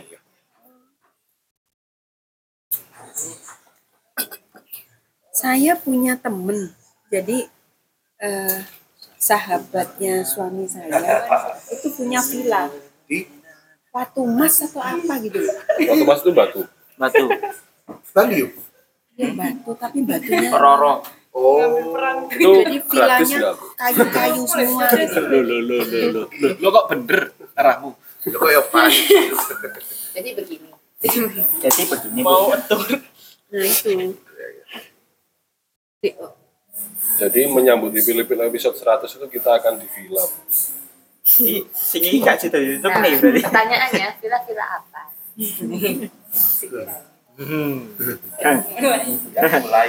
Oke oke oke oke. Disalah diusahakan. Dipersiapkan Bu, nanti mungkin ada kabar nginep di villa, Ibu ikut Bu. oh jelas. Di pedesaan gitu loh mas. Kok sudah request? Oke, Desa Batu. Uh, ya, Ayo, aku nih desa, aku desa. Oke, desa aku kan enak paling. Eh, ada bu, lada bubuk lah. Iya. Iya. Si, si. Desa aku, lada bubuk. Kulit pasir loh. Kalau Mas Benat sama Mbak Uli seumuran sama. Oh, sama ya? Bumbunya Wah, bulan. Bumbunya leher pasir. Desa aku semua. Oke, di Lavarti gitu. Oh gitu ya. Mungkin zaman sekarang tuh cari yang sama umurnya ya. Kalau zaman dulu kan memang agak tua, agak jauh. Iya. Kalau sekarang nggak mau. Iya. Sekarang nggak mau. Ya karena kan perkembangan cepat. Antara Zaman sekarang aja dapat syukur bu. Susah deh sekarang ini Bu, ya Allah. Oh gitu Nggak susah ya. kamu yang milih-milih. kalau dulu mungkin orang tahun Kamu sendiri juga keren 8, 85 sama tahun 80 gitu mungkin nggak nggak jauh ya. Kalau sekarang kan kalian 2010 sama 2012 aja udah. Saya 8 tahun. Nah, iya. terima kasih. Bapak saya itu 10 tahun Dulu. sama ibu. Iya, 10 tahun. Terima kasih. Tahun berapa? Lahir tahun berapa? Terima kasih guys. Ibu akan kapan dapat sebentar iya, iya. kapan? Iya, iya. Pokoknya baru kami meninggal 2021 itu umur 70. Kasih dia. Terima kasih iya, satu. Saya oh. tahu ini ada apa. Mbak Devi nggak? Oh 70. puluh. Acara tujuh satu. Acara apa sih? Di dalamnya lucu banget ada foto. Eh, iya. Terus itu kembar sih lihat-lihat. Ya ampun. Boleh dibuka sekarang enggak ini? Boleh, boleh. Masakan boleh dibuka. Ijono biro tapi Ijono loh wis. Jual lagi. Itu malah orangnya. ngarpongi. Ke orangnya aja nanti. Gimana sih? Teh isinya. Mas Farid telepon, Bu. Iya Mas Farid telepon. Oh iya. Iya. Menyenangkan sekali. Iki Alin. Cubet ya. Kayak anak kembar. Ini aku. Satu Satu gawe. Hah? Cap. Anaknya aku. Pantai, Bu. Ini pantai ya? Pantai. Pinggir pantai pas. Eh unik itu aku ya Bu. Enggak, maksudnya eh, dekornya api ya Mbak? Dekornya lu kok nggak ya, pakai dibawain soalnya paling Jadi kita nggak mau dipajang di sini. usah apa di dalam elef Tapi itu. pemandangannya bagus ya. Banyak pohonnya. Bisa masuk Pantainya itu juga juga ya. Pura-pura nggak ngambil. Kau nggak ngambil nanti dibawain. Terus kalau ada orangnya ditegur, ke mana tuh nggak dapat Jadi souvenir? dong. Pakai Ini teman pantainya, sendiri. Ini pantainya. Ini Mas Benat sama Aku ibunya. bisa mencapai titik ini ya Allah di mana aku bisa membahagiakan ibu saya, Dah. aku bisa mentas. Lalu Ini siapa sih yang, gini tuh? sosok yang sangat Saya. Segura. ya iya. Tambah di soundtrack ya. Iya. Alhamdulillah. Alhamdulillah. Iya. iya. Sudah pukulan dulu. Sebelum terjadinya pemukulan besar-besar. ya lima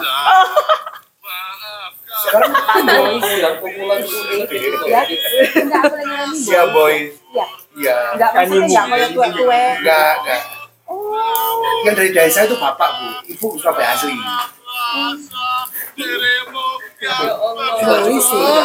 Tolong tolong tolong banting HP-nya. Sekarang bu, umur berapa sekarang?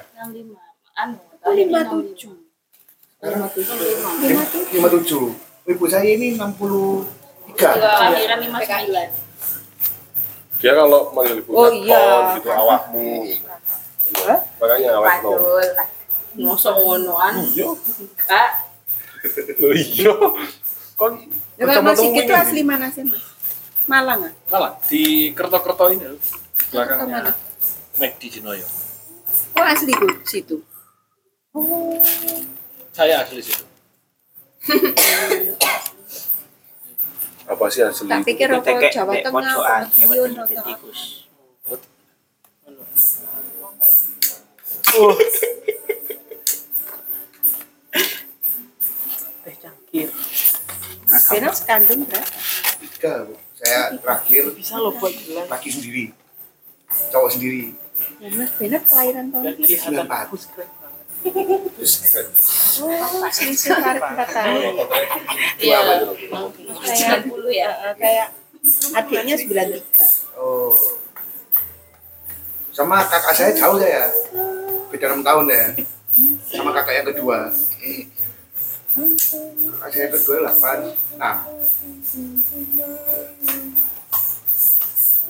Mas Sigit sekandung berapa mas? Dua. Oh, cuma didik ya? Ya dari ibu yang ini. Yang lain-lain banyak kali total. Oh, men. Serius ta? No. Serius ta? Keluarga harem gitu. Tidak ada yang perlu diseriusi di hidup ini meskipun begitu berantakannya. Itu bener. Kok ibu yang lainnya apa sih mas? Jadi Iya. papahnya punya banyak ibu. Oh ibu ibu. Tolong tolong jelaskan Lin. Selir gitu ah, selir ah mas. Enggak. Cerai. Memang enggak. Memang istri gitu? Ya poligami, Bu. Ah, Oh, Enggak. ya kak Bu. Kak Bu, pokoknya mampu kan? Hah? Maksudnya selirnya banyak eh, poligami, Poligami, banyak. Oh, Iya, mampu itu mampu untuk Menikahi. nikah banyak. mampunya ini loh, mampunya ini di- gimana dulu? Mampu untuk menahan perasaan atau mampu untuk menderita? Adil maksudnya. adil mampu sejahtera. Oh, ya, terus terus. Partai Mas. Wah, ya, adil. Loh, istrinya ber- berapa mas? Eh, Eh, Aduh, yang ketemu ya, yang resmi ya. Dua, Bu. Kedua. Yang resmi. Yang ketemu. Yang saya tahu ya, Iya itu aslinya saudara saya dua, saudara diri saya dua. Oh, Mek lu. Lumayan berhubungan baik. Lumayan. kayak nenek saya tuh ya juga du- dua. Neneknya. Dua, dua doang. Udah lebih. Mek lu. Ibu bilang. Ibuku lo, bapakku sing akeh. Poliandri. Oke. Udah ucap ibu. Ada ada penantang selanjutnya. gue bapakku secara ideologi. Tapi itu memang sepertinya ada di gen keluarga saya. Nenek saya itu istri eh suaminya lima. Nenek, Beda-beda. suaminya lima. Ya. Poliandri. Itu anaknya dewi-dewi kabeh. Jadi tiri semua. Kita terbiasa untuk Kan ketidakjelasan. Mbak Tanti. rencana berapa? Mbak Tanti. Cari izin izin. Makin perubahan. Makin berbahaya. Apa ini? Sing dirubah. Apa yang dirubah? aku- Apa yang monogami ngono ah. Iya. Tapi ya setelah kemarin aku bawa dia ke rumah kan ya, after menikah, itu setelah tak pikir-pikir, kan akhirnya dia mengenal lebih jauh gitu kan keluarga aku, Pak lah, ada yang bercerita tentang nenek, mbah laki, segala macam. Memang genetik mas, Ya. genetik, genetik. Pacarannya berapa tahun? 6 bulan kali bu, 6 bulan 8 bulanan, cuman kenalnya 3 tahun, sebentar. Terus setelah nikah Langsung lama. ini penyesuaian ya. Ber Penyesuaian. Loh, enggak begini, Bu. Begini.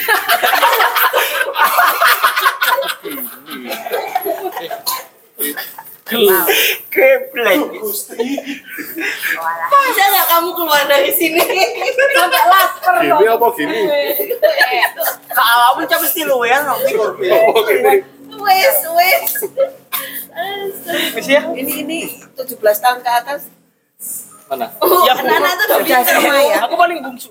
Yang bungsu Ya aja. jangan pakai standar itulah. Umur. Aku paling bungsu bu. SD sudah paham. Pengetahuan dan umur sekarang itu tidak bisa jadi standar. tiga, enam bulan itu bu Saya dijodohin. Saya ya pacaran. tapi kan ibu dengan terbuka me- me- me- melakukan itu Tapi dari muka mirip loh. Bra bro bra bro. banyak orang yang bilang begitu iya Bener loh. mirip Dari sampean Ini mirip, enggak cuman iki gelap iya tapi ya mirip ya itu sama. Oh gitu ya. Bentar ya, 6 bulan. ya itu langsung lamaran soalnya. bentrokannya di enam bulan itu bu Oh gitu ya. nggak masalah buat kita bentrokan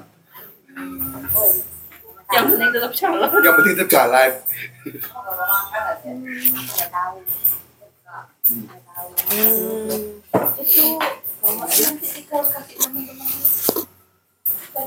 silakan momot Ini bisa direkam ya? Oke Lutfi. Silakan Momot melanjutkan.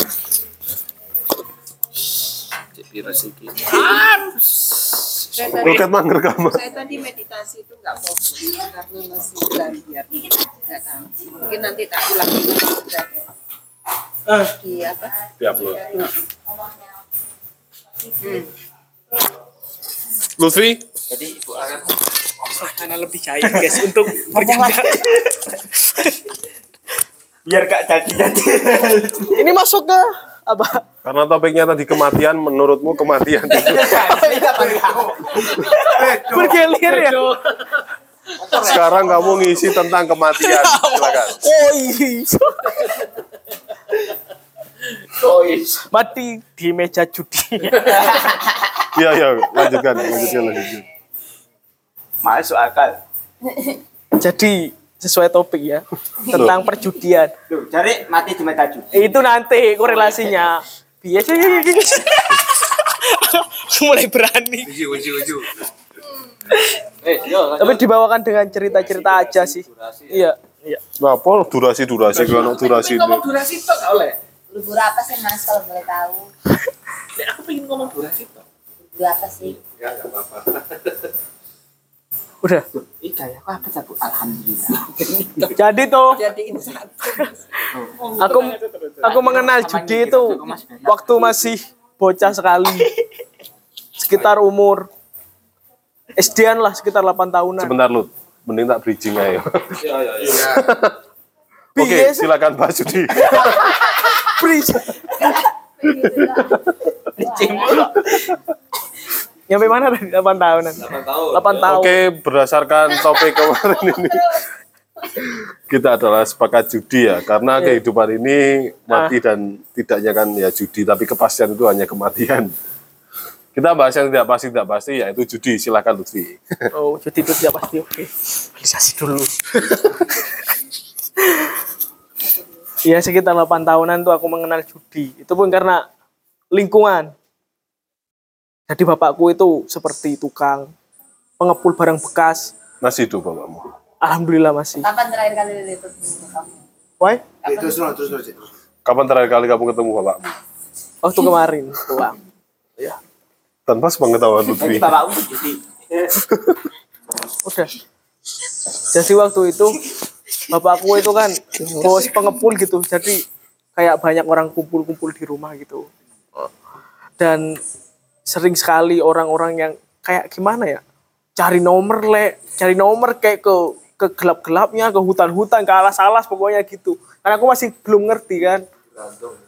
Terus setelah SMP kelas satuan itu aku berani untuk oh judi itu ternyata menebak nomor gitu ya. Terus aku berbondong-bondong dengan temanku itu seperti kayak orang gila, menulis-nulis nomor gitu loh. Kan dulu aksesnya masih gak secepat sekarang, gak bisa. Dulu kalau ngelihat hmm, judi sekarang keluar angka berapa, itu masih harus menanyakan kepada apa pengepulnya, harus mendengar berita itu nggak seperti sekarang. Gitu. Jadi ya kita mau nggak mau harus dekat dengan kelompok itulah orang-orang tua, orang tua, orang tua. Dan orang tua pun eh, nggak merasa apa ya kita itu wah bocah jangan main judi. Malah kita kayak dimanfaati gitu. Nomor. ya nomor berapa gitu. Sampai segitunya. Dari situ aku udah mengenal judi. Sampai memang itu kan termasuk judi yang tradisional. Kan judi banyak. Tadi aku cari-cari itu datanya ternyata judi itu banyak gitu dari tradisional konvensional dan sampai sekarang gitu. jadi itu aku udah judi ya dari kelas 1 SMP, SMP itu walaupun gak intens dalam artian berapa apa ya satu periode nih terus ada musimnya di satu daerah itu sepi judi terus rame lagi gitu dari togel itu sampai ke bola setan terus dadu terus wah musim seperti kematian ya bermusim. Iya. sampai ke mengenal judi online slot yang gampang sekali kita akses. Di umur. di umur ke itu baru SMA guys mau lulus SMA tuh udah tahu online bisa online bisa. Gitu. Tapi yang menjadi heran itu bukan apa ya untuk apa sih aku berjudi gitu alasannya nah yang pertama itu aku ngerasa dulu hanya buat keren-kerenan. Gitu karena lingkunganku karena apa ya judi itu ter- terlihat oh gentle nih gitu. Terus lama kelamaan wah kayak pamer aku kemarin menang loh segini gitu. Terus secara tidak langsung itu mempengaruhi orang-orang lain gitu. Dan kita dianggap sebagai oh anak itu pinter gitu judi menjadi alfa semacam alfa gitu lah terus ya. Lama kelamaan gitu semakin kayak nggak menang-menang gitu loh. Nggak menang-menang. Dulu tuh karena aku jauh dari pengetahuan gak sumbernya gak banyak. Paling mulut ke mulut gak dari buku gitu terus waktu kuliah itu aku sempat stres sekali karena waktu kuliah itu sampai nggak pernah tidur tidur gitu karena judi. Karena judi. Dua hari dua malam bayangkan mantengin judi itu. Terus itu aku ini kenapa ya? Seperti sensasinya itu seperti kita tuh udah tahu algoritmanya. Ya algorit datanya udah tahu kebiasaan judi ini akan begini. Ketika kita misal nih login ke judi yang ini. Ya login ke judi yang situs anggapkanlah situs kopi gitu. Kita login setelah menang kita tarik uangnya. Oke kita tarik uangnya. Tapi setelah itu kita tahu kalau kita depo lagi deposit lagi apa berjudi lagi di situs itu kita pasti kalah gitu karena algoritmanya itu kan ketika kita ngakses itu terinput data kita kalau orang ini udah menang sekian sekian sekian nah nah algoritma itu kan outputnya agar apa ya biar bandarnya nggak rugi kan. Mau ya aku tahu kebesaran kemungkinan kalau aku main lagi itu akan kalah di situ-situ. Tapi hal itu enggak membendung aku untuk menyetor uangku ke situs ini gitu loh. Itu yang menjadi pertanyaan unik sih kalau dihubungkan dengan apa hidup itu adalah perjudian. Itu aku belum menemukan maknanya gitu. Mungkin teman-teman nanti yang bisa kan yang karena saat tadi yang bilang mengumumkan gitu kan. Yakin. Jadi gi- gitu sih. Apalagi ya mungkin aku ada lupanya. Ingin aku bahas tapi aku lupa apa ya Kematian, kematian. bukan bukan bukan bukan bukan bukan bukan bukan bukan, bukan, bukan. Dorongan apa pertama yang Ya, Hmm. yang sampai pada kamu tuh masuk dalam judi yang eh, impulsif loh ya, hmm yang sudah tidak bisa kamu kontrol. iya iya Tadi kan bilang, "Ini aku yakin gini, Iya. gini, gini, algoritma gini, tapi tetap aja kamu lakukan. iya Itu kan berarti nggak bisa kamu kontrol nih. hmm Itu dorongan apa yang kamu harus motifnya sih kalau keuntungan itu itu aku udah lewat ya walaupun aku mainnya kecil itu udah lewat kayak keuntungan itu bagian sekian. Tapi kalau dibilang untuk senang, kalau aku kalah ya aku sedih. Kan seharusnya untuk senang ya biar menggalang nggak ngurus gitu. Itu kayak aku sendiri bingung mas gitu mencari-cari.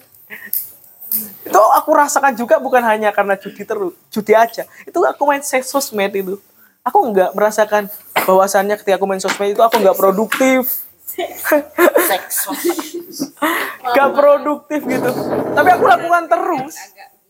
Kayak gitu. Dorongannya apa aku nggak paham. Ada beberapa dorongan yang biasanya muncul di para penjudi. Misalnya satu eh, dorongan finansial. ya. Hmm. Kamu merasa kurang nih, miskin nih, utangku akeh nih, dorongan finansial. Mau beli itu nih, flexing nih, ya. Hmm. Atau dorongan mungkin penderitaan. Ya memang eh, seorang menderita terus mencari cara. Atau kebosanan aja. Bosan nih. Yang itu ya saya melakukan sedikit riset deh. Eh, di Indonesia itu meledaknya judi itu setelah covid karena orang itu sangat jenuh di rumah ternyata ya. Dia dia banyak orang itu apa? Jenuh di hunian masing-masing. iya. Kan rumah nggak bisa jenuh. Iya, itu terima kasih atas koreksinya jenuh di huniannya masing-masing. Karena rutinitas bekerjanya itu berhenti. gitu ya. Yang kedua, eh, banyak yang ter PHK dari pekerjaannya Hmm. dan mencari cara untuk lebih cepat kembali fit secara finansial. Yang ketiga, ya karena saat itu internet menjadi lebih dominan ya perannya di di seluruh dunia. Itu ternyata tidak terjadi di Indonesia saja, di Amerika sa- saja itu satu dari 20 remaja itu kena judi waktu Covid tahun. Karena Covid mengaku satu dari 20 itu pernah judi. Dan kebanyakan faktornya remaja, tidak orang dewasa. Online ya. Kamu kapan pernah judi like waktu Waktu apa? online?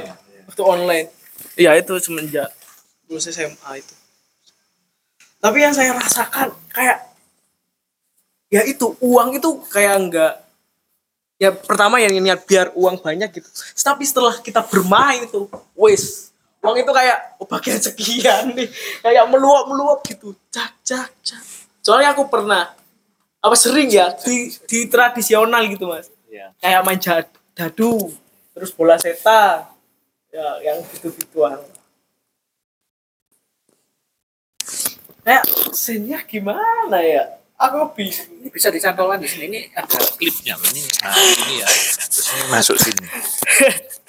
Terus setelah mengenal buku ya, eh, gak tidur tidur karena judi, aku pernah apa ya ingin mengupayakan untuk mencari. Pasti asal usul judi itu ada loh gitu. Dan gimana ya asal usul judi? Pasti sebab akibatnya ada gitu. Ternyata aku riset sedikit ya tadi di apa artificial intelligence. itu mengatakan Judi juga kenal. Iya. Mengatakan bahwasannya orang-orang dulu itu primitif ya, primitif. Gimana judi itu muncul di orang-orang primitif itu. Kata AI itu gini, eh, karena orang dulu itu apa ya, ingin menjadi alfa itu seperti dukun itu loh, ingin menentukan hal yang tidak pasti. Dulu kan nggak ada BMKG, nggak ada untuk menentukan cuaca dan sebagainya. Nah, dan kayak mengukur-ngukur agar apa ya martabatnya martabatnya terangkat dari prediksi itu kayak ah, nanti ke sayembara gitu katanya sih. Kalau ke yang ke Mahabharata aku nggak baca gitu. Oh gitu sih. Tapi untuk menjadi alpha itu di perjudian agar terlihat jago itu yang saya rasakan dulu waktu di kampung di sekeliling kampung. Mungkin dalam kelompok judi pasti ingin ya setiap kelompok orang itu kayak terlihat seperti oh aku mau jadi apa kelihatan jago gitu sama halnya aku kan suka bola tuh. Ketika di lapangan itu aku kayak pokoknya aku akro- akrobatik tuh biar kelihatan yang paling keren gitu. Kayak gitu. Tuh sih Jadi waktu kamu berjudi di Malang misalnya berlanjut itu ya? Iya. Atau sempat ada fase vakum? ada. Waktu di Surabaya.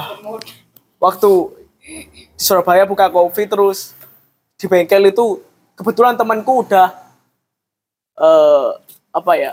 Senior. enggak udah Senior transisi loh ke Islam banget gitu loh. Islam Nusantara. Iya hijrah gitu. Temanku yang nakal sekali. Terus dia hijrah gitu. Alhamdulillah. 2019-an 2019 20 itu aku ya sholat judi nggak apa baca Quran gitu gitu itu, itu aku nggak stop Kangennya lu yang itu ya. Iya. Apa? kayak jangan Ayo, ibu saya. Aduh, aduh.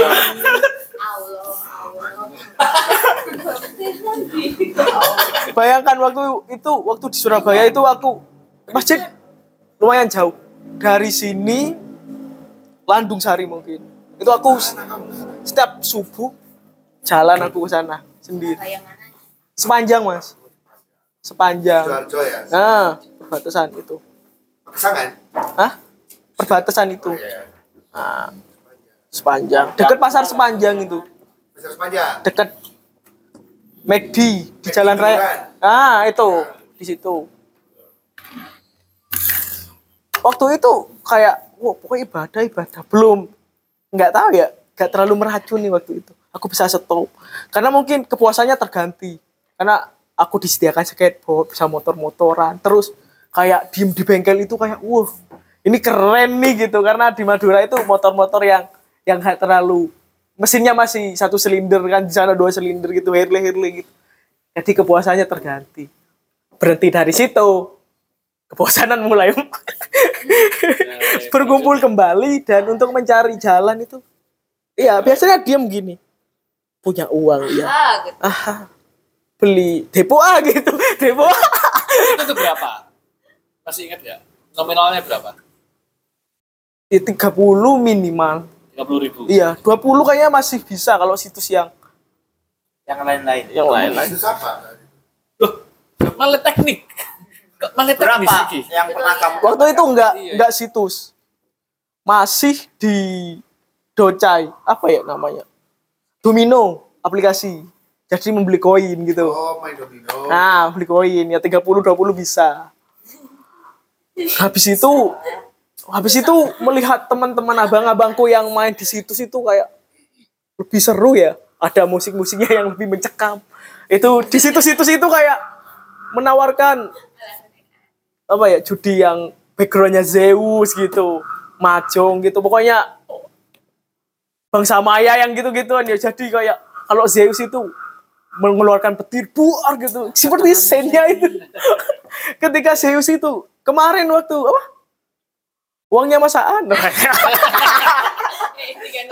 jadi gini jadi gini Jadi gini, ya, ya, ya. jadi gini nih nih nih Ini yang paling terbaru nih. Iya terbaru. Sebenarnya judi ini apa topik judi ini untuk menggiring ke sana gitu. Oh begitu. Aku tuh udah vakum ya cukup lama semenjak proses teaterku. Aku udah nggak mau nyentuh judi. Siapa sutradaranya? Siapa sutradaranya? Muhammad Suhan. Tapi kemarin itu ad- kembali. ada orang menitipkan Yes. Iya, Mas Yaan juga sutradaranya itu ternyata mengembalikan kepada jalan hitam. Jangan gelap. Iya, dia itu nitip uang untuk dipasangkan judi gitu. Kan aku yo bingung, orangnya seperti kayak yakin sekali untuk menang dan aku masa aku harus login lagi, mendaftarkan apa? emailku lagi dan emailku itu kan pasti dikirim pesan-pesan yang marketing gitu guys. Nah sekarang ada penawaran gini-gini pasti itu. Kamu nggak percaya aku buka. Nah dari situ kemarin aku bertekad untuk oh ya untuk masaan nih siapa tahu dapat. Eh ternyata dapat diskon karena member baru. Senang hati kamu membantu lah. Iya, ternyata kan li- masang 50.000 ribu, ternyata dapat diskon. Karena aku member baru, guys, di situ. Jadi ada kembalian 16.000 ribu. Kan nggak bisa ditarik. Minimal tariknya 50. Ini aku apaan, kah? Apain ya? Ditarik nggak bisa. Main lagi Main dong. lagi Main dong. lagi dong. Tanganku gemeter gini, guys. Terus aku buka, oh Zeus nih tetap asik. Dari 16.000 ribu itu jadi 100, detailnya 159.000 ribu. Sekarang Iya waktu itu bukan sekarang waktu itu dari 16.000 ribu aku main jadi 159 terus terakhir main itu ada petir yang nggak kena itu kali 500 itu seumur hidupku main. Hanya itu yang aku ngelihatin perkalian sampai 500 buset tapi nggak ada yang jadi gitu loh. Nggak ada nggak bisa dikalikan punyaku karena zong. Tapi perkaliannya jatuh. Tapi cukup ah 150 ini aku tarik. Udah aku tarik ada jejaknya di brimobku tapi setelah itu berapa jam lagi?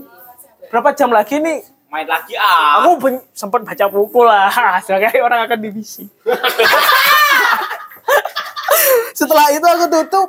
Terus lama-lama lama mau tidur. Kayak gelisah. Apa ya yang buat gelisah?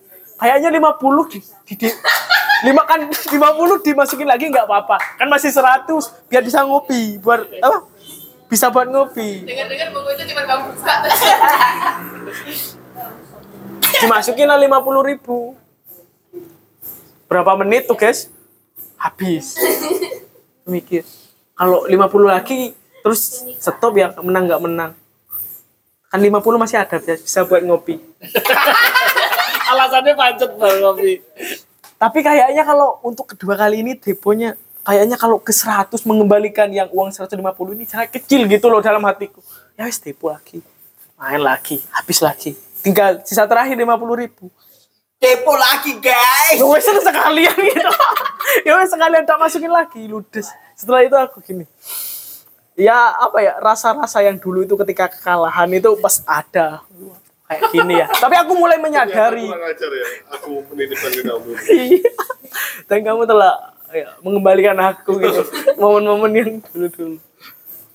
Itu aku nggak tidur sampai jam 1. Aku biasanya tidur jam 10. Berarti usahaku nolong awakmu iki kok kayak judi akhirnya Bi. Kayak judi. Enggak, waktu shopping enggak. judi meneh lho. Shopping. Lah iya maksudnya kan aku nolong dhek cek dadi apa? Bekerja dengan dia sendiri yang Oh, mau. Waktu kerja shopping enggak guys. Eh aku mikir guys, kerja shopee terus dijudi. ya, ya lebih cari lebih kerjaan lebih brutal lah itu sih. Tapi yang masih mengganjal itu kenapa nih aku sadar tapi aku nggak mau stop. Apa-apaan tuh buku itu? Dugaan itu, dugaanmu adalah Dugaanku adalah akan dopamin. kenapa mungkin konsep intrinsik itu ya kebahagiaan yang tadi itu bahwasannya langit itu tetap masih biru dan awan a- itu pikiran itu hanya awan itu ketidakpastian dan aku tidak boleh tenggelam dalam awan-awan itu Awan-awan bentuk iklan. Wah, ini lima itu ya. gitu tapi yo angel kok yo ngelakuin itu Sekarang asal judimu sudah kembali. asal apa Asal judimu sudah menurun atau atau masih tinggi? kalau yang permainan kemarin tuh cuma berapa jam gitu langsung turun wes udah biasa gitu lagi pula mungkin uangnya hanya uangnya Mas A. Eh, itu Ya. kan uangmu. Iya, itu Iya, iya. variabel penting. Nggak mungkin kalau uangku ya Ketidakterimaannya menjadi-jadi. ini menjadi-jadi. Itu. Tapi kayak oh ya udahlah. Terus sekarang udah sempat gini kan kayak Anjing ngawur kau. biasanya situs itu kalau kita depo pertama jadi member 20 satu kali 24 jam itu besoknya ketika kita buka kita dapat bon- bonus uang gitu 25.000 ribu kayak berapa kayak untuk Suruh main lagi. Iya. Nah, waktu satu kali 24 jam itu, ya aku sempat menunggu aja. ya dong, aku nggak munafik ya. Tapi nggak aku buka, aku langsung situsnya tak blok blok blok semua. Aku diem. Ya nggak tahu. Siapa tahu nanti. Mungkin teman-teman apa ya? Enggak dari sini salah satu orang pernah atau bergelut juga di bidang itu. Ya bisa share pengalaman lah biar ada pencerahan. Iba Erona ya. itu sih Mas. Si memungkinkan apa? Apa Nggak bisa- nggak tahu ya. Gak bisa cerita banyak tentang judi. Paling pengalaman-pengalamanku. Kalau saya sih nggak pernah main judi ya, tapi makan uang judi ya lumayan. Iya. Enak juga, enak. Sama kok uangnya. Sama kok biru merah. Makan dari hasil judinya orang-orang kayak Iya. Kalau masalah judi yang saya tahu di kebetulan saya ada apa ya di Sumatera Utara di Pemantang Siantar itu judi itu sangat terbuka sekali. Jadi polisi-polisi itu kalau main judi ya terbuka. Polisi Ya. main Judi. Jadi ya kelihatan di jalan. Nah, di depan rumah saya itu juga main judi bapak-bapak. Sampai pimpinan Bank Mandiri itu kalau malam judi juga. Nah, di situ bapaknya Farid karena orangnya lurus sini sini sini main. Nggak bisa, aku nggak bisa diajari. Itu cara nolaknya gitu. Togel dan di sana eh cewek-ceweknya ibu-ibu juga main judi. Saya zaman gini, eh, kebetulan itu kita pas nonton eh, pas pergi ke hotel satu kantor. Jadi kita di kamar, saya sama suami. Karena saya habis dari lob, dari suatu apa hall ya. Suami saya bilang, "Kamu nggak nggak nggak masuk kamar sih?" Eh, nggak taunya ibu-ibu, istri-istri main togel. Loh, kamu baru tahu? Iya. Di sana itu eh judi itu sudah kayak biasa gitu loh.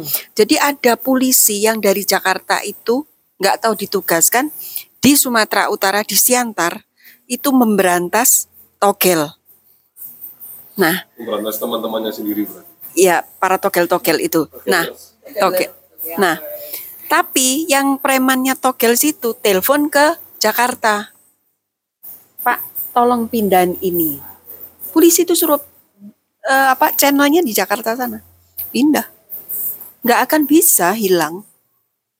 Tapi eh, tetangga rumah saya main togel gitu ya, kayak gini duduk kelihatan.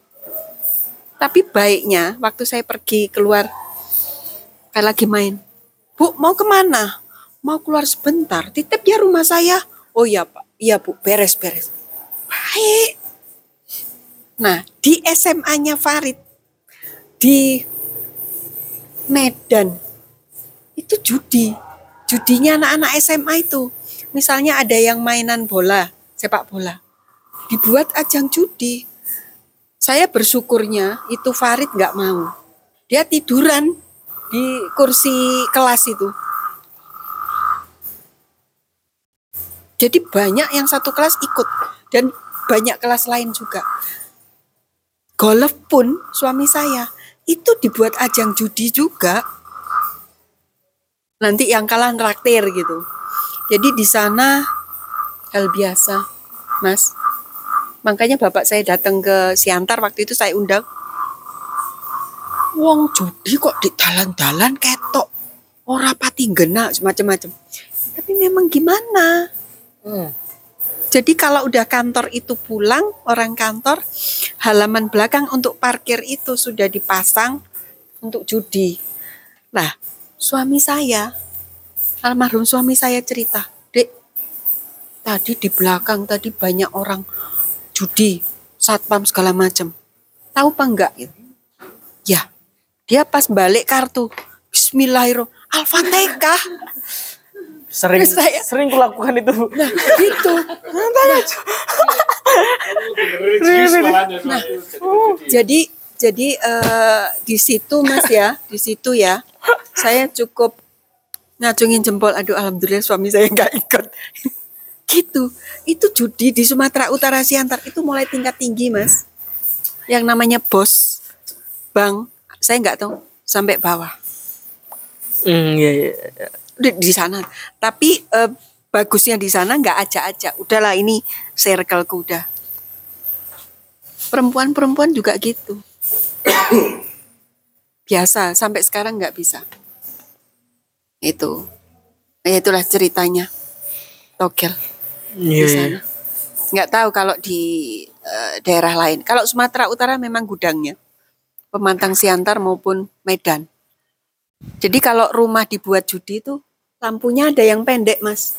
Gini, terus agak terang, ngumpul gitu. Kebetulan di rumah bos kita. Orang Batak memang. Lah itu. Lah biasanya minum tua yang ada adat sana ya. Minum tua terus sama gorengan anjing. Eru ya. Itu. Jadi kalau kita bertamu kita nggak nggak dipaksa minum tua. Jadi Dipaksa saya tahu putih-putih oh ini tua.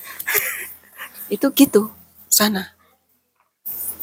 Nah, jual babi pun di jalan-jalan terbuka di di pelosoknya ya kalau gitu biasa. Tapi kalau mobil kita nabrak babi akan disidang kita, dihitung anak nanti cicit segala macam babinya di sana. Itulah se sekelumit cerita. Terima kasih. Assalamualaikum. Iya, tadi aku itu cari juga. Ternyata budaya, ekonomi, politik. Kenapa berpengaruh apa berpengaruh pada judi? Ternyata sangat berpengaruh juga. Kalau politik itu lebih ke kayak Berdasarkan kayak ChatGPT. ya ke polisi-polisi gitu loh. Kan itu regulasinya dari pemerintah kan memang nggak boleh kan nggak legal. Tapi polisi-polisinya tetap bisa menerima. Oke, aman gitu. Nah, budayanya juga mendukung gitu. Dan ekonominya itu yang paling orang berjudi. Kalau judinya tambah tua, itu ekonomi itu pas awalnya doang, pas masuk ke lapangan itu, wes gak ngurus ekonomi saya pokoknya gentleman. Seperti sabung ayam gitu. Aku taruhan 2 juta. Terus satunya, aku 3 juta. Aku seperti kasino itu kan kalau main kan seperti koinnya apa? Aku paling banyak ini ini ini ini. Itu.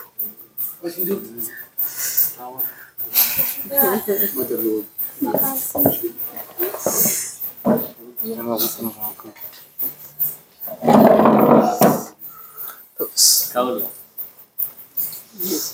Terus kelumit juga sih. Serem.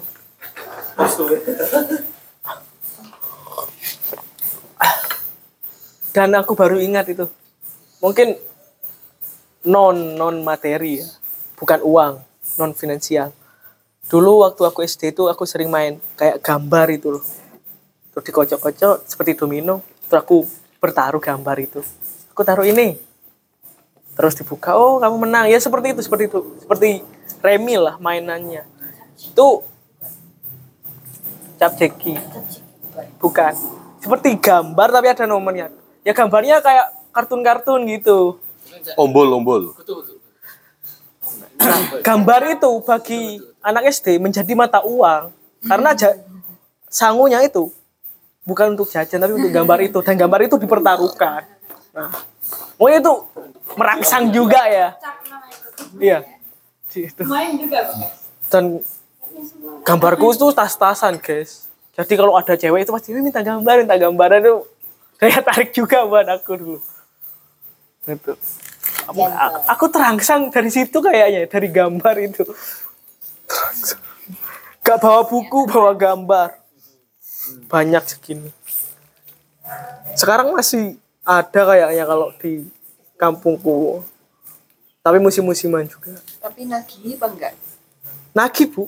Nagih ya. Iya, soalnya kan aku rasakan uangku itu enggak buat beli jajan. Untuk beli gambar itu. Dan dari gambar itu semisal sanguku 500 rupiah dulu ya. Itu dapat berapa biji gitu. Tapi ketika aku taruhkan itu bisa jadi satu tah. Itu apa ya? Menjadi mata uang ya, macam mata uang. Cryptocurrency gitu. Tadi currency. Tapi untuk berhenti judi, berhenti gitu susah apa enggak? PR itu. Pekerjaan rumah tangga. Ya, Susah ya, gak susah ya. harus ke Shanghai sih kayaknya. berhenti kapan? teater. Tapi kemarin mulai lagi kok. Nah, iya betul. Dihentikan dan dimulai oleh Orang yang sama. Berarti dia tuh baru berhenti beberapa bulan yang lalu. Iya, berapa bulan yang lalu.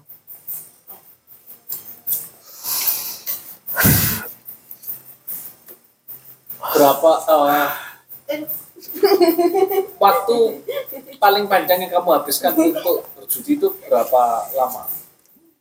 Dan apa efeknya? Dua hari dua malam. Gak tidur.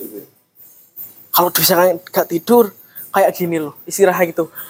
Tapi tetap jalan gitu. Situ sebentar, seret gini langsung gini. Seret gini loh.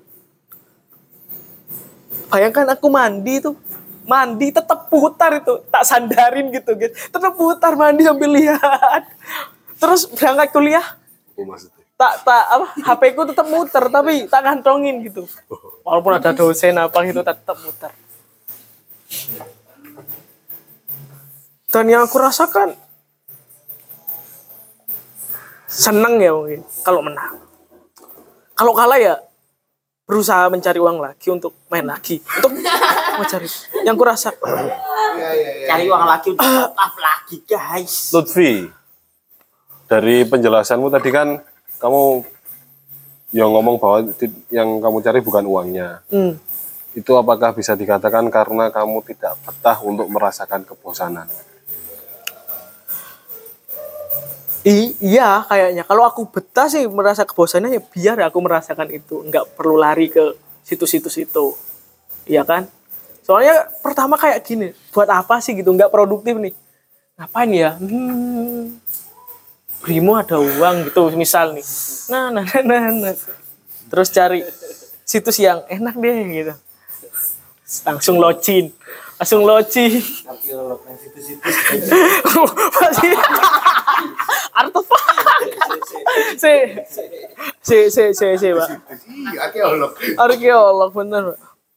Pencipta sejarah. itu mas berangkat dari kebingungan mau ngapain sih semisal aku kalau ada orang ngechat itu kayak seneng banget kalau pas aku nggak lagi ngapa-ngapain lagi nganggur seperti kamu Lutfi ngapain gitu wow ini pasti ngajak ke mana ya gitu.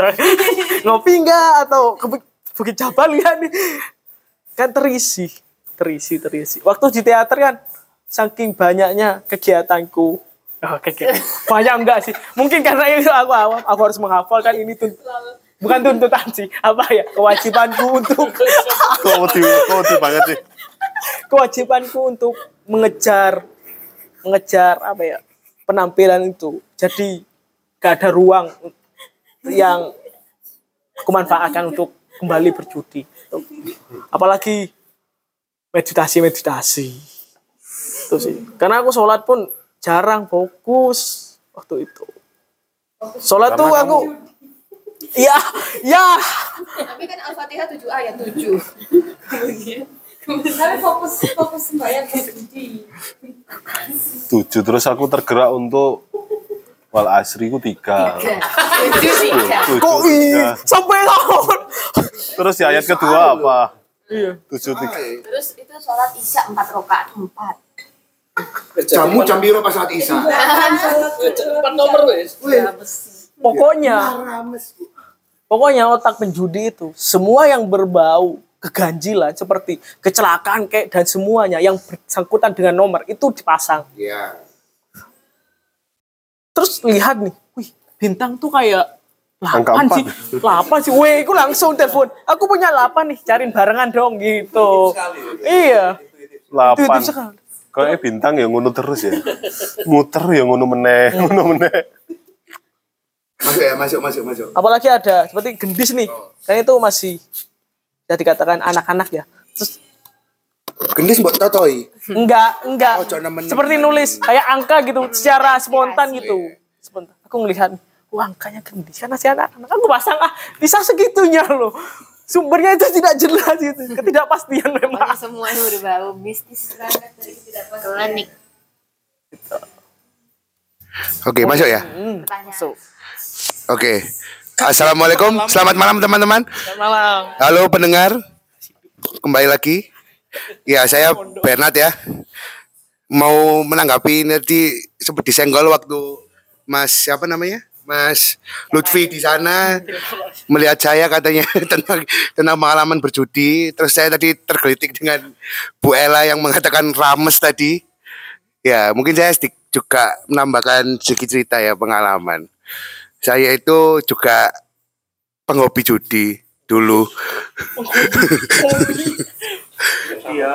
Ya, saya saya men- saya mendapatkan mendapatkan keuntungan pertama dari judi itu SMA kelas 1.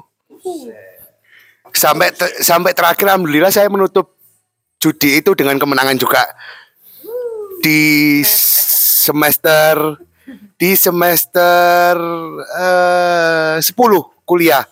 Itu terakhir cukup lama. Cukup lama. Saya spesifik kalau ngomong judi tadi mungkin Mas Lutfi online gitu ya. Kalau saya spesifik dua tapi klasik. Satu adalah judi bola, satunya adalah togel. Gitu. Ya, insya Allah nanti di akhir pembicaraan saya ada hal menarik nanti yang bisa mungkin menjadi apa namanya eh, perenungan dan pelajaran buat teman-teman. Masuk.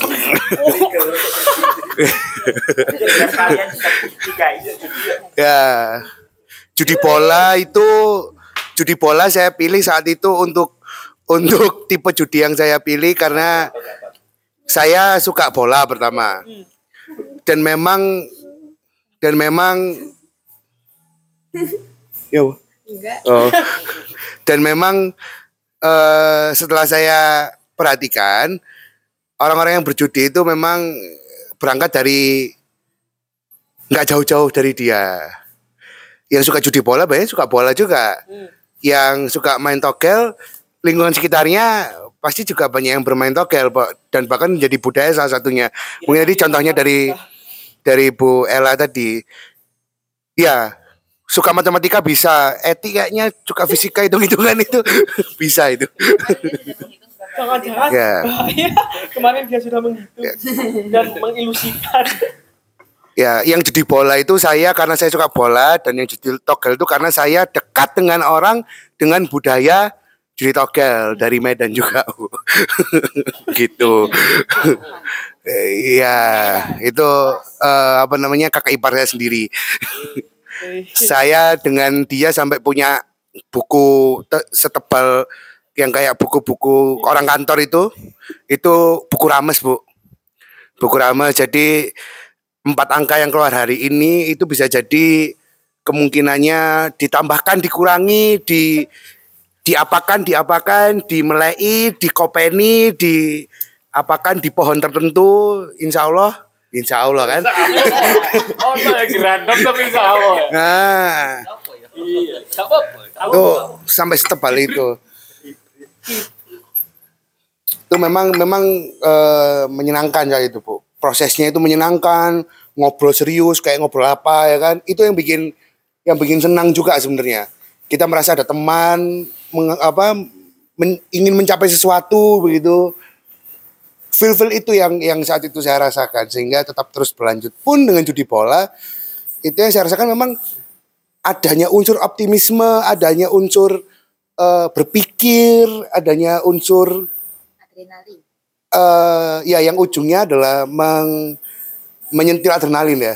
Kalau ngomongin faktor apa namanya bentuk-bentuk perilaku yang yang dirasakan ya tadi ada optimisme, ada eh apa ya rasa-rasa ingin ingin melakukan sesuatu gitu loh, nggak akan ada bosennya lah, gitu. Itu memang yang yang saya rasakan. Nah, saya berhenti itu itu ketika saya semester 10 membantu salah satu dosen saya dalam penelitian di atlet saat itu itu tentang jadi gini ternyata di, di psikologi itu di manusia itu ada eh, apa namanya poin namanya psikologi kapital. Psikologi kapital itu adalah salah satu salah satu tema yang sebenarnya ada di manusia untuk manusia itu merasa bermakna satunya itu kalau di perusahaan banyak di dinamakan namanya psikologi capital. Di dalam psikologi capital itu ada satu apa ya? Satu instrumen begitu namanya hero. Kalau kau pernah dengar. Hero itu adalah terdiri dari hope atau harapan begitu. E-nya itu adalah efficacy atau keyakinan untuk kita bisa apa namanya? keyakinan untuk kita bisa melakukan sesuatu. Hero. R-nya itu adalah resiliensi, yaitu ketangguhan, ket- ketahanan dia, seseorang gitu. Dan O-nya adalah optimism. Itu instrumennya namanya hero. Nah dari situ saat itu saya dalam penelitian itu wah anjing. Memang memang yang yang yang saya terperangkap dalam dalam apa namanya dalam judi itu karena ada faktor ini di, di diri saya yang nggak bisa saya lepaskan memang. Dan semua orang yang memiliki itu. Gitu. Jadi kenapa saya saat itu sangat suka dan sangat seperti seakan-akan bergantung dengan judi adalah karena ya saya menerapkan eh bukan mengarahkan psikologi capital saya itu ke judi coba saya ke ke studi misalkan begitu. Jadi hope saya di judi itu saya selalu ada harapan untuk mendapatkan apa nomor yang pas di kemudian hari ya. Terus saya apa namanya merasa yakin bahwa saya tetap mampu dengan dengan selalu melihat papan skor, melihat bahkan saya sampai hafal klub divisi 7 Liga Inggris. Sampai sambut. Tarkam itu. Tarkam. Karena karena di sana orang-orang banyak duit itu di sana. Oh, ini tidak besar, liga besar. Bukan liga besar. Liga Siprus, liga itu. Menarik ya. Bet 88. Hafal pemainnya mungkin ya. Apa? Sampai apa ya? Penyerangnya gitu-gitu. Nah, itu ada banyak kalau gitu. Kali ini teknis ya. ya kan? Ada ada beberapa ada yang hanya tebak skor, ada yang tebak pencetak gol, ada yang tebak siapa yang kemasukan duluan. Ada yang apa namanya? Bahkan kalau ngomong bola banyak banyak banget ini apa namanya itu? Offset duluan. duluan. Iya, offset duluan. Terus apa namanya? Lemparan ke dalam duluan ada. Ada. Ada. Iya. Maka dari itu kenapa muncul kalau di sepak bola mungkin ada yang mungkin sepak bola. Sekarang ini data olahraga sepak bola itu sangat detail. Penguasaan bola, masing-masing pemain touch berapa kali, masing-masing pemain itu dribbling sukses berapa kali. Itu adalah data untuk judi. itu bisa, ya selain untuk sains mungkin ya. Itu bisa, itu sangat bisa. Itu sangat bisa, begitu. Nah, eh, yaitu saya berhenti ketika saya memahami bahwa ya saya salah mengarahkan psikologi capital saya. Gitu. Karena memang gini, kalau lebih jauh psikologi capital itu masuk dalam psikologi positif. Jadi si- di apa setiap manusia itu ada itu dan sekarang biasa banyak dilakukan di perusahaan untuk untuk kenyamanan apa namanya karyawan, untuk membantu karyawan lebih apa mengurangi mengurangi turnover kayak gitu-gitu itu pakai pakai itu pakai namanya psikologi capital itu yang isinya instrumennya kebanyakan sampai saat ini itu masih tentang itu tadi hero tadi opti apa namanya ya tadi saya lanjutkan saya Eh, ada hope saya merasa ada terus harapan untuk nomor ini muncul terus saya di kemudian hari menebak klub divisi 8 itu akan mendapatkan keuntungan bagi saya gitu ya. Terus eh, di efficacy saya saya merasa bisa saya saya merasa bisa terus belajar bertemu banyak orang untuk untuk mempelajari nomor dan sebagainya. Di resiliensi yaitu saya merasa tetap tangguh saya saya bisa membuktikan nih kalau saya itu bisa sebenarnya saya itu apa namanya eh, mampu untuk menebak dan lain sebagainya di di optimismnya ya saya optimis bahwa apa pun yang sudah saya lakukan itu akan mendapatkan hasil yang nyata. Nah, kenapa judi sangat sangat sangat eh, nampak menyenangkan karena hasilnya kan instan, bukan hasil uangnya atau hasil apanya. Tapi hasil dari usaha kita itu cepat. Sebenarnya, nah di situ eh, saya juga sempat ngobrol dan akhirnya membahas tentang judi dengan dengan dengan dengan saya saat itu karena saya akhirnya mengaku dan saya ingin butuh bantuan untuk keluar dari sana. Yaitu judi itu gini, kita itu suka dengan validasi satunya. Nah, judi itu bisa menjadi bahan validasi kita. Tapi yang negatif. Contoh, kita ngerames nih, malam-malam sampai pagi jepret. Capek habis kopi, habis sembarang kalir. Besok tembus. Coba yang di, yang di, yang dibilang ke diri kita sendiri apa? Wih, iso ya aku ya. Nah, bukan tentang alhamdulillah oleh duit 5 juta, gak ngono. Tapi dari tapi kegiatan judi itu itu sebenarnya hanya kendaraan yang negatif yang bisa membuat kita lebih cepat mendapatkan validasi dengan usaha kita. Ya memang kalau ngomong usaha ya harus diakui itu usaha.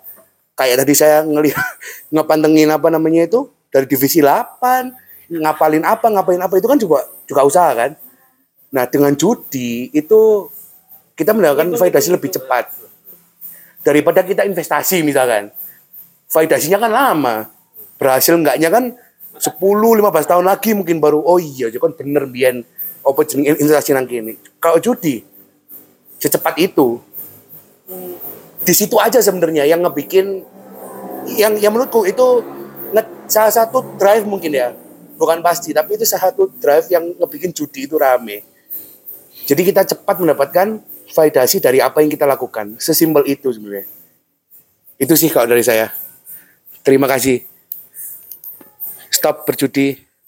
Saya berterima kasih pada Ya. Mas Bernard. Mungkin saya nanti akan mempelajari itu. Mau ngomong sedikit ya. Banyak. Sedikit aja. Nah, ya saya mau cerita. Ibu-ibu yang arisan pun itu ada selain arisan ya, itu ada lotre. Lotre itu kalau saya amati eh, jual nomor sekian-sekian. Seandainya saya ngambil nomor 10 sama 5. Mbak Ulin berapa? Berapa?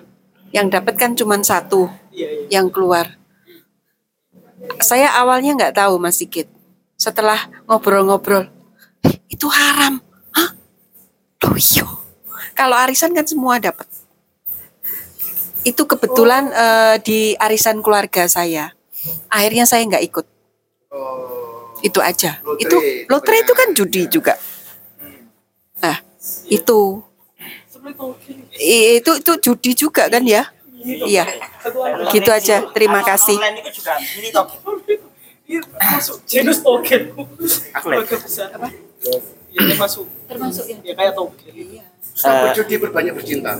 Eh, Itu gimana itu tafsirannya? Bercinta itu membagi cinta ke teman, Iya, membagi cinta ke Oke, Bayu. Oke, terima kasih. Saya mau sedikit bercerita tentang kisah judi saya. Oh, tipanya aku juga berjudi juga ya. Eh, orang tuaku bapakku itu pejud eh pecandu togel. Pecandu togel. Jadi cara menghitung rames itu saya mungkin sedikit hafal ya. Ada 9 kotak. Ini Ya. Navigator. Jadi ada 9 kota itu di yang atasnya ada satu kota ya. Jadi sudah dibagi 9 terus ya. Itu tiga- kita tinggal eh, cari ya. Sekarang eh, hari Rebu lah. Oh berarti nomor 3. Yang bawahnya itu apa? Nomornya berapa aja? Kita sekali silang atau kita tambah atau ya itu caranya gitu. Kalau kalau ngitung apa namanya togel.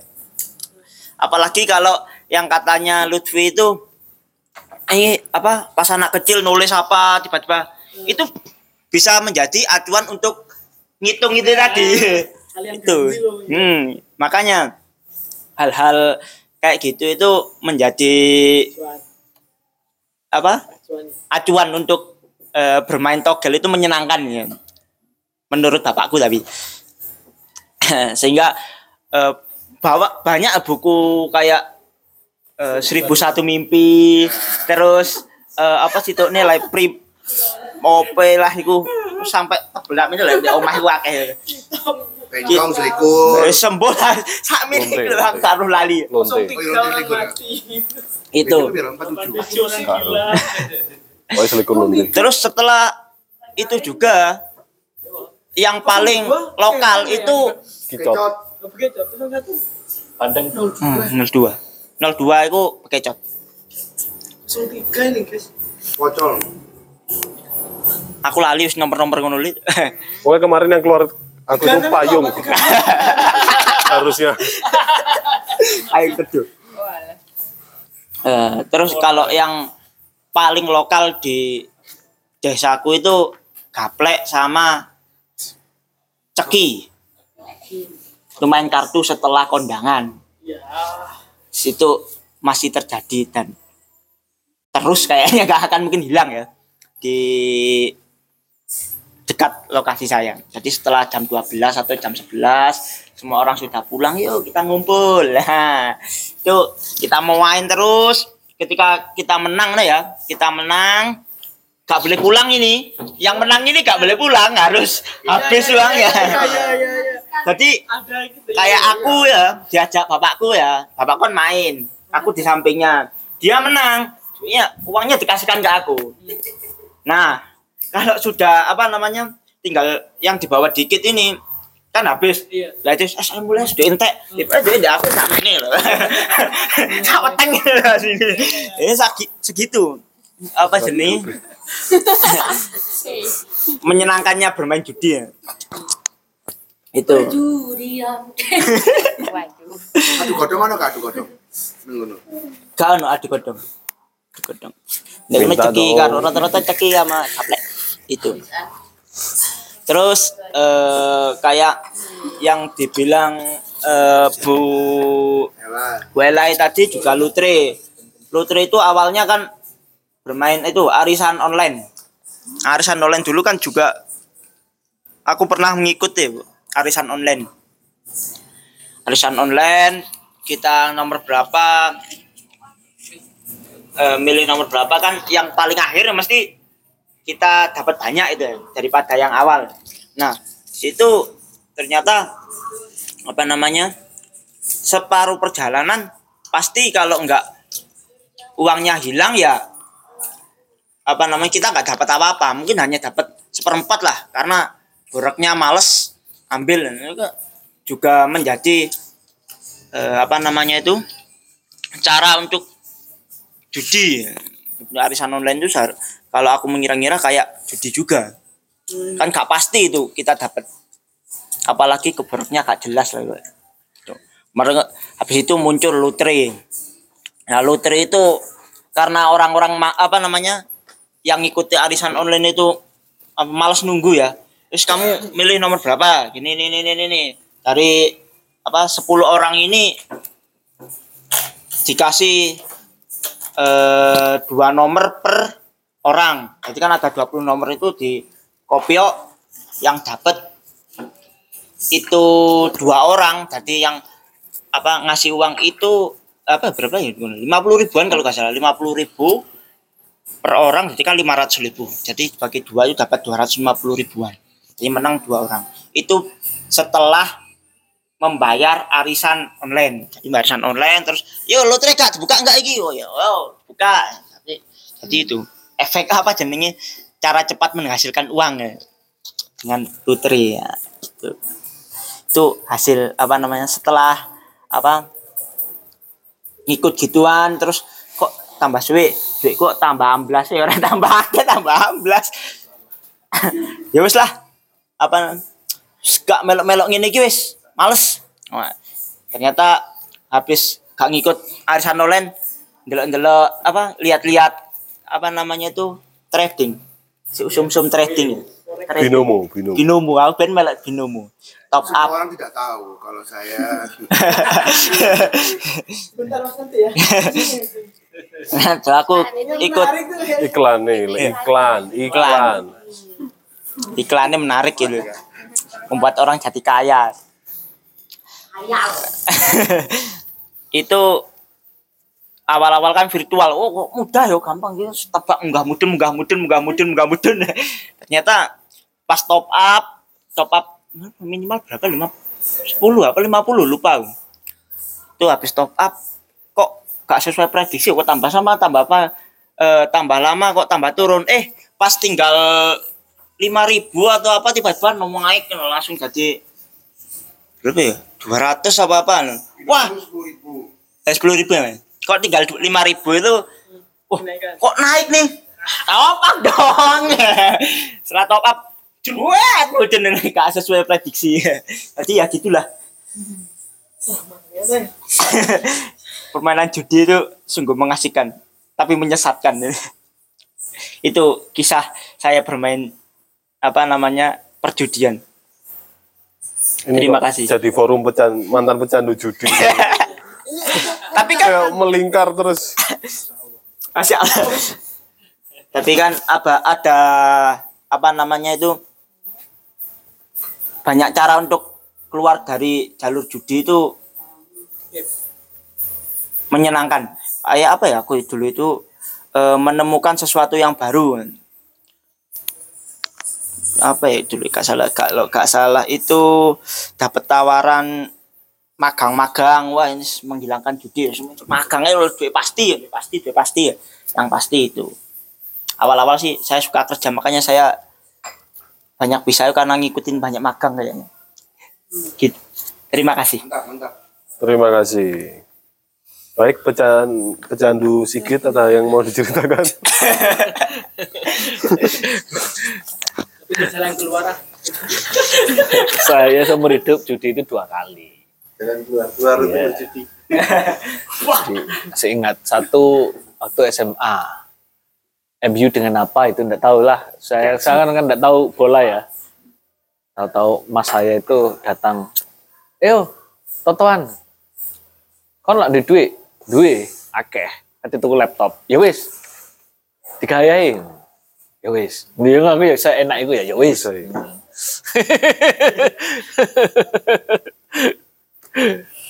saya enggak tahu itu pokoknya champion apa apa saya lupa ya tahun tahun segitu saat itu MU itu kalah dua dua kosong pokoknya setinggal lima menit gitu. itu saya itu sudah enggak ngikuti karena enggak ada drive untuk menang kalah pokoknya duit gayen Wong masku kayak ya. Iya. Iya. Iya, gitu loh maksudnya. Kita kan total ya dengan saudara ya. Meskipun plak-plak. ya kita plek tadi ya. Plek. Nah itu di nggak tahu itu menit ke berapa ya pokoknya kurang berapa menit kurang dari lima menit tahu-tahu MU itu menang menjadi 3-2 kalau tidak salah ya. Dia bisa membalikkan sehingga menang gitu. 98 final champion. iya ngono pokoknya ya. Saya ikut lali aku itu. Pokoknya aku roe MU Because Masih pantesan. saya itu ya menang ya. Tetap saja uangnya buat beli laptop ya. Karena yang eh, memang yang dipakai uang saya tapi kemenangannya bukan kemenangan saya. Jadi ya tetap uang saya baliknya segitu-gitu aja ya. Itu satu. Jadi tidak terasa bahwa judi itu menyenangkan. Nah, yang kedua itu eh, saya dengan teman saya juga yang penjudi yang apa kafah gitu ya. Ya penjudi yang yang Judi benar-benar ya sudah benar-benar top ya. dia hanya sekedar murni mengejar kesenangan saya. Skala menang itu nggak pikir. Nah saat itu saya diajak. Ke sebuah lapangan kayak gini. Gede begini ya kebun-kebun terus ada lapangannya gitu. Eh, di di dekatnya kampus gede pokoknya ya. Uh, ramai banget. Dan ada anak kecil anak, anak setengah gede anak gede. Ada orang gede. Terus ada macam-macam wahananya itu ada dadu ada opo ada opo ada opo wah akeh banget wis. Arka. iya wis. Jadi memang kasino versi deso ya. Si deso. Saya kan juga bingung di situ. Eh iki gak popo kok ingin ini. Nanti saya kan khawatir ndak pernah masuk si masuk kalangan gitu ya. Oleh ono apa-apa kegerbek apa-apa kena kan. Eh tenang. Iku Pak RW ini lagi ngocok ngocok dadu. oh, oke. Aku langsung percaya aja. Oke, aman ini, aman. Saya saat itu bawa uang. Oh, lupa saya seratus ribu atau apa gitu ya. Saya terus aku ya apa iki. Yo sembarang milih yo. Sing paling gampang ngopo? Eh, dadu itu loh tinggal tinggal milih apa, ada gambar apa gitu ya. Terus dikocok, terus keluar. Kan ini mudah kan? Iya. Ya sudah saya, saya mainlah di situ. Situ sampai berapa jam gitu. Memang mengasihkan ya, judi itu kita bisa masuk flow state. Nanti bisa Mas Bernard Tadi psikologi positif bisa masuk mulai pyramid highly terus ke flow state gitu ya. Mungkin judi itu membuat kita masuk flow state gitu ya. Ya, fokus. Saya itu sampai sampai lupa tahu-tahu loh, kok ada pergantian ada per- pergantian suasana yang sangat kuat di tempat itu. ya. Yang pertamanya umurnya itu SMA, SMP, ada beberapa anak kecil, ya SD, SD gitu ya, yang judi ya. Tahu-tahu saya begitu sadar itu sudah tua-tua gitu ya. Iya, iya, iya. Jadi ada ada loh kok ada pergantian pemain yang banyak gitu ya. Ada bapaknya manggil anaknya, "Eh, eh Rene, oleh piro kon?" "Oh ya wis, iki modalmu tak gawe ini kayak ngono loh." "Oh ya, ya gantian ngono loh. Kok ada ke- apa, apa keramaian baru. Apa sih. Oh, pergantian pemain banyak sekali. Pergantian main. Iya. Wah, setelah itu suasananya menjadi agak berbeda. Soalnya kan, wah, wah, wah, rame kan. gitu. Suasananya agak berbeda. gitu. Sudah mulai muncul botol-botol bir, gitu-gitu. Oh, ini, ini, ini. ini. Wah, lumayan lah. Saya lihat, oh, masih bisa main terus. Saya main.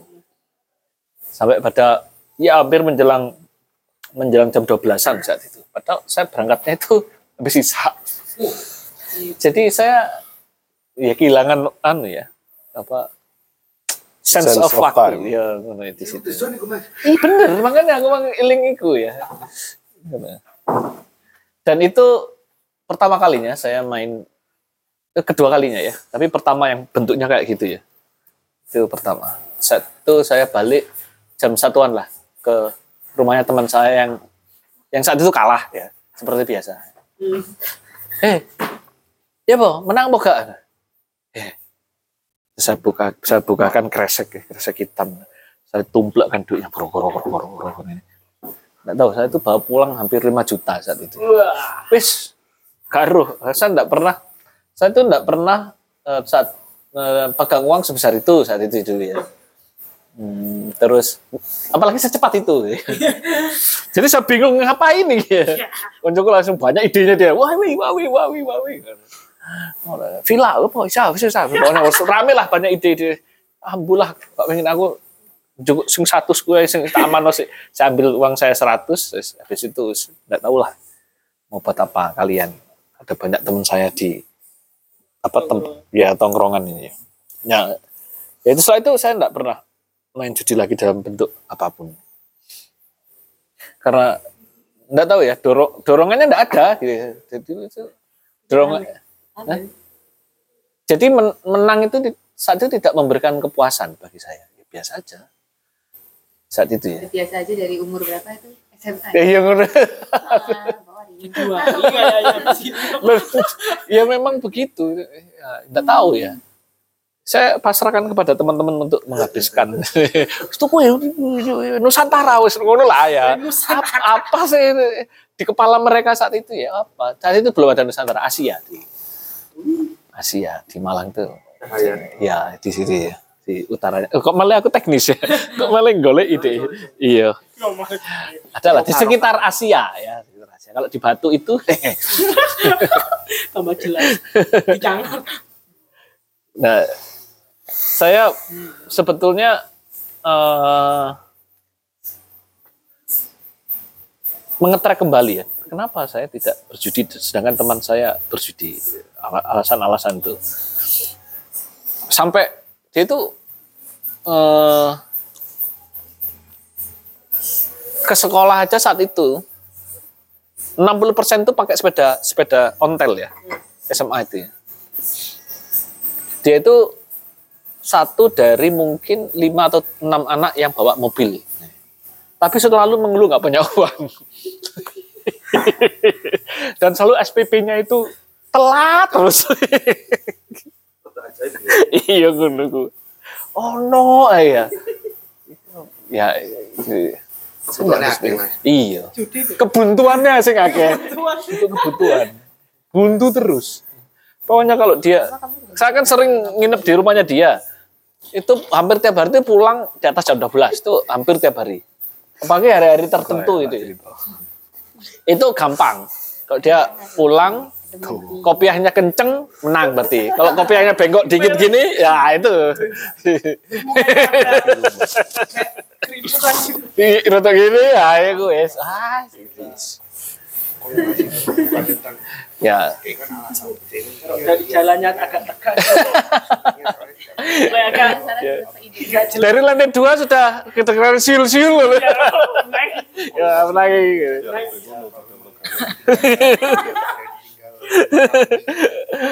itu teman-teman dekat saya tapi alhamdulillah bisa lepas setelah SMA ya Fak, sebetulnya faktor kita untuk masuk judi ya, itu sangat gede karena kita dikenalkan dengan alat-alat alat-alat judi itu semenjak sangat masih kecil ya. Ada Uno, ada Remi, ada Domino. Meskipun tidak ada uangnya ya, Gambar-gambar. tapi itu adalah alat untuk berjudi. Main ular tangga itu loh. Iya. Ular tangga yang ada ada dunia itu kan. Ya, Ada dulu kecil dulu. gitu gitulah. Umbul gitu ya itu. Ketidakpastian gitu ya. Meskipun saya sering kacauan saya saya buat bolak-balik gitu ya di saat-saat tertentu gitu ya. Akalan. Jadi sebetulnya kita itu sangat dekat ya.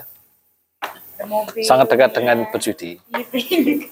Makanya itu salah satu menjadi salah satu faktor pemicu orang untuk berjudi ya. Selain eh, tadi yang saya sebutkan ya, itu ada memang faktor faktor budaya atau sosial. Jadi kita diperkenalkan kok dengan alat-alat judi. Gitu ya. Em, saya juga membaca ternyata misalnya Lutfi gini ya. eh, Kenapa masih bisa mudah gitu ya? Ada orang yang tidak bisa berhenti sampean sampai ya sampai pada level kompulsif gitu ya. Ada level-levelnya ada profesional, ada semi profesional ya. Profesional itu untuk hidup, ya kerjanya memang gitu. Dan itu biasanya sudah di track dan bakalan susah untuk bermain bebas karena dia memang punya kemampuan untuk apa skill untuk untuk eh, mengolah emosinya ya. Jadi bisa tahu berhenti dan tidak. Itu dan karena itu jumlahnya tidak banyak ya yang profesional ya. Semi profesional ada terus eh, ada yang rekreasional gitu ya. Jadi judi bola tapi pas anu aja apa eh, final aja misalnya gitu ya. Saya itu enggak lagi. Ya rekreasional aja biar dia happy aja. Atau berlibur ke mana terus ah nyoba ah berjudi di sana. Itu masih gampang karena eh, untuk berhenti karena levelnya masih di bawah misalnya urusan keluarga, urusan pekerjaan masih di bawah itu. Nah, mulai mendekati yang kompulsif ini yang agak berbahaya. Gimana sudah mungkin kuliah sudah sambil ngeslot ngono ya, ngono-ngono itu ya. Jualan nasi goreng sambil ngeslot ngono itu. itu sudah mulai sudah mulai bersaing itu dengan fungsi normalnya. Ngopi karo ngeslot. Tuh. Nanti eh, kalau sudah masuk pada level adiksi seperti itu, dia menjadi progresif ternyata. Menjadi pelan-pelan akan naik mengalahkan eh, prioritas fungsi dia secara normal. Sehingga kebutuhan berjudinya sudah di atas kebutuhan keluarga. Sudah mulai menjual barang-barangnya. Nah, itu di atasnya itu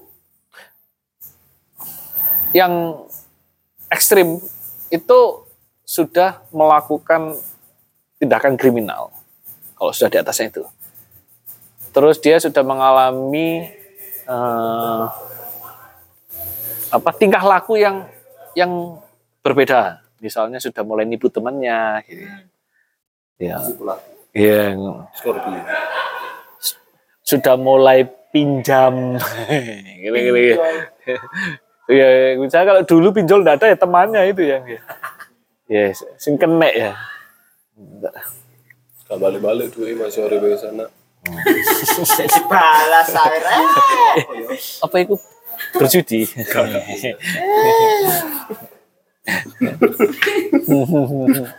Ya Allah. Nah itu butuh biasanya butuh perlakuan khusus. gitu. Saya membaca dua,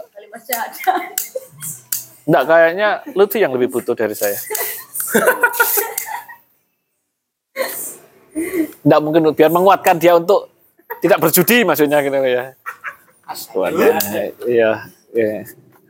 Nah ini tipian kamu ya. Saya membaca dua jurnal yang berkaitan dengan eh, treatment ya, salah satu treatment untuk untuk menghentikan drive berjudi lewat meditasi. Ada yang eh, ada yang pendek 10 hari, ada yang panjang selama 8 minggu. Ternyata ada kaitannya untuk kita punya kemampuan untuk tidak menuruti impuls atau dorongan. Dorongan ada, tapi tidak dituruti. Nah, kelemahan penjudi itu karena adrenalinnya membuncah dan si dopaminnya itu membuncah, maka dia tidak kuasa untuk menahan dorongan. Bukan masalahnya dorongan ada ada atau tidak ada di, di kasusnya para penjudi ya, yang di jurnal ya. Tapi bagaimana dia mampu untuk tidak bereaksi terhadap dorongan. Dorongan tetap ada. Tapi ya gimana caranya itu tidak menjadi sebuah aksi, ya, sebuah reaksi terhadap sebuah dorongan. Nah itu respondennya diukur. Saya membaca hanya dua, yang satunya pendek sekali seminggu, eh, yang satunya panjang 8 minggu karena dia ikut standar yang 8 minggu milik eh saya nggak tahu, saya lupa John Hopkins atau nggak salah ya. Eh, itu yang diperuntukkan memang untuk ini depresi dan untuk adiksi karena dianggap masuk dalam adiksi nih si si judi ini perjudi ini. Nah karena dia progresif, eh, semakin semakin kuat dorongannya gitu ya. Kasusnya semakin semakin apa eh, kuat dan gede dan dia hmm, selalu mencari cara yang lebih yang lebih apa ya memuaskan mungkin dia. Kalau dihitung-hitung-hitung kena dia akan mencari yang hasilnya gede tapi dengan sesederhana mungkin. Ya. Ya menebak celana dalam misalnya gitu ya. Itu yang yang sudah tidak ya kayak tadi ya. Siapa yang melempar apa eh, lemparan ke dalam pertama kayak gitu. Itu lebih menarik daripada yang bisa dihitung lewat klasemennya ini bagaimana gitu ya. Itu menjadi kurang menarik. Kalau kalau memang orang sudah kecanduan ya. Gitu. Ya, ya apa ngitung yang barang yang nantinya diundi ya. Tapi ya enggak apa-apa memang. Memang tujuannya bukan itu ya. Ya seperti seperti itu. Jadi saya saya sementara ini masih sementara ini ya masih sangat jauh eh, untuk mengalami atau atau saya terlibat dengan perjudian. Begitu. Terima kasih. Baik, apakah ada pecandu lainnya yang ingin mengutarakan keresahannya tentang judi-judian? Baju merah, baju merah. Oh. Jangan sampai Assalamualaikum warahmatullahi wabarakatuh. Waalaikumsalam. Masya Allah, Masya Allah. Mantan pejudi semua. Baik, saya akan berbagi pengalaman. Padahal menjadi bisa. Kalau ingat-ingat judi, saya itu orang desa ya, yang lingkungannya ya begitulah. Jadi sejak kecil itu permainan itu ya judi.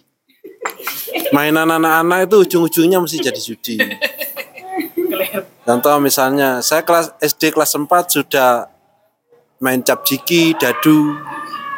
Karena kalau di desa saya itu ketika ada pertunjukan ludruk di tengah Tegal gitu wis ada perjudian. Lingkaran-lingkaran jahat. Nah, di situ. Nah, terus kalau kebiasaan kami dengan teman-teman dengan teman-teman di di desa musim apa saja itu mesti ujung-ujungnya jadi judi. Domino, lintrik, usum dolanan karet, karet itu ya.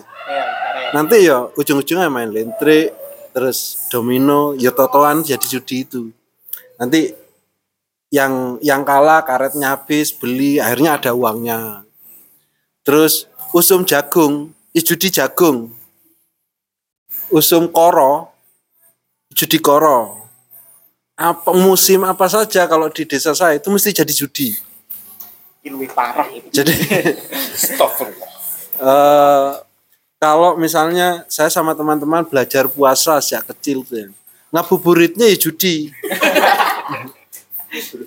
saya main apa main lentre, domino, terus apalagi gitu. Kalau di di sini ada kan bentuk dadu yang kecil itu.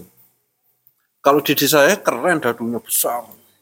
Waduh, makanya wah keren. gitu. Jadi itu yang terkait dengan judi-judi yang gitu ya. Saya itu sejak SD sudah adu pitik, terus ando andoro, itu mesti judi itu. Semua pokoknya jadi judi. Nah, kalau belakangan togel loh, saya itu kenalnya sejak masih namanya Nalo. Nalo terus jadi SDSB, Forecast. Porkas. Saya sejak nalo. Biasa sudah di keluarga itu. Sampai setiap minggu sekali itu mesti ada paranormal-paranormal yang ke sana mesti ngasih lambang-lambang.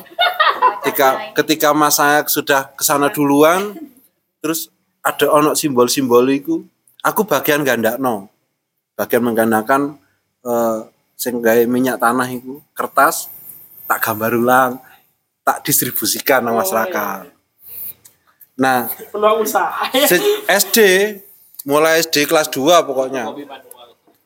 SD terus ada guru honorer tetangga saya itu di di SD saya. Itu bagian pengecer nalo itu. Ke sekolah ya bawa. Nah, kita ke sekolah sangu itu gak gak buat jajan. Tapi tuku nalo itu. Judi ku nih nang sekolahan pas istirahat itu tuku. Bahkan malamnya tad- malamnya ngompol itu digoleki inspirasi ini kok pengompol ini. Jadi eh, saya nggak kaget kalau judi-judi itu. Nah, apa yang membuat saya tidak terus? Karena saya nggak pernah menang. Judi aku kalah. Nggak pernah menang. Seandainya menangan mungkin sampai sekarang saya jadi pejudi. Nggak pernah menang. Mau coba. Coba. Situ sih. Bahkan kalau di desa saya itu semuanya menjadi terminologinya kalau menang. Bahkan orang punya gawe, punya gawe modal berapa, buan berapa itu ada istilahnya kalah menang. Bahkan orang berbisnis, berdagang, istilahnya kalah menang. Menang apa kalah? Jadi sampai ke sana, sistemnya kalah menang. Makanya di kultur-kultur yang eh, kultur Madura juga karena kultur saya juga kultur Madura makanya berani berani berspekulasi berani berdagang dengan modal berapapun karena prinsipnya adalah kalah menang. Nah kalau misalnya mau berdagang itu mesti eh, ke mana cari doa-doa supaya menang. Jadi prinsipnya kalah menang. Nah, iya. Kayak misalnya di di desa saya banyak toko berjejer-jejer itu bukan karena toko itu sudah oh ini usahanya lancar menjadi besar. Ya enggak. Mereka modal besar langsung banyak. Prinsipnya menang atau kalah. Begitu enggak toko itu sepi enggak ada pembelinya besarkan lagi. Dodol sapi, dodol tegal, pokoknya prinsipnya kalah menang itu. Intinya di situ kalau di bahkan ketika dulu SD saya terlempar ke pondok itu ya.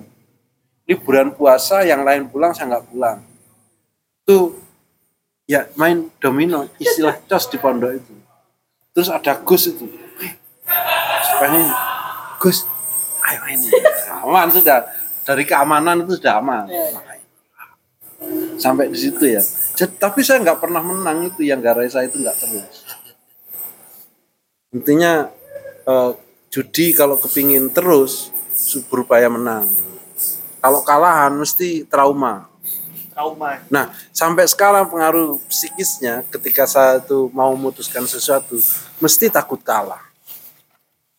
Kadang mau melakukan sesuatu itu kalau ini ada sisi gam- gamblingnya ada bargaining position itu mesti saya cenderung minder takut kalah takut apa karena sejak kecil di situ oke jadi di situ selamat untuk para mantan pejudi terima kasih assalamualaikum warahmatullahi wabarakatuh Waalaikumsalam warahmatullahi wabarakatuh. Pejudi aktif tadi mas. Saya pejudi aktif. Ayo, para pecandu apakah ada yang bercerita lagi?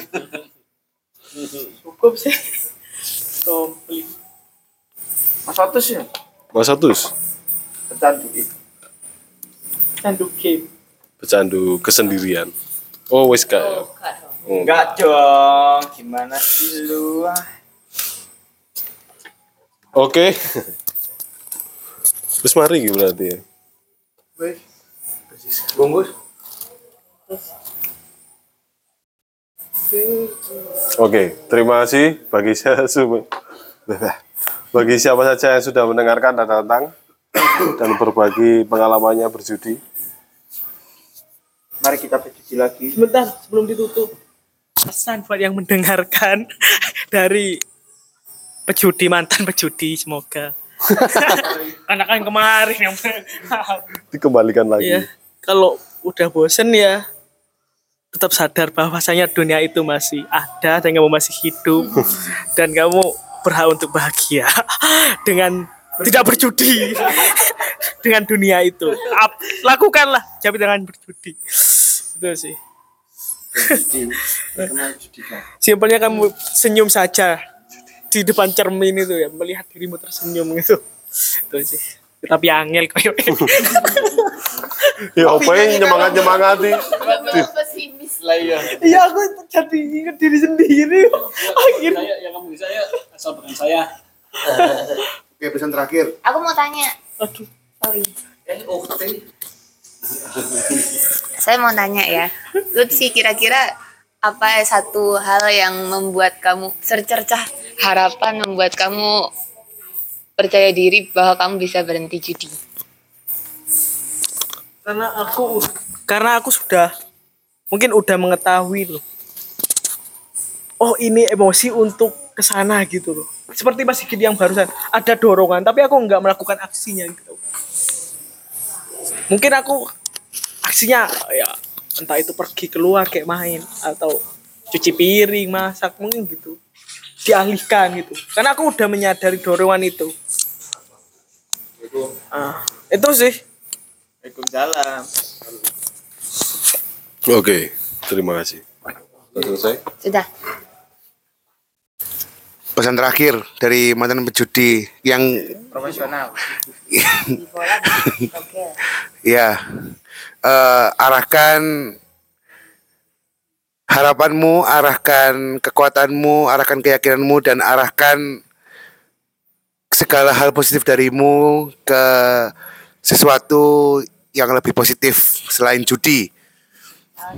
Misalnya berdagang, misalnya mengerjakan apa yang disuruh oleh bosmu saat ini di kantor. ya, eh, sebenarnya modal untuk melakukan apa pun itu sama saja. Tapi melakukan apa yang baik itu yang berbeda. Itu sih. Terima kasih.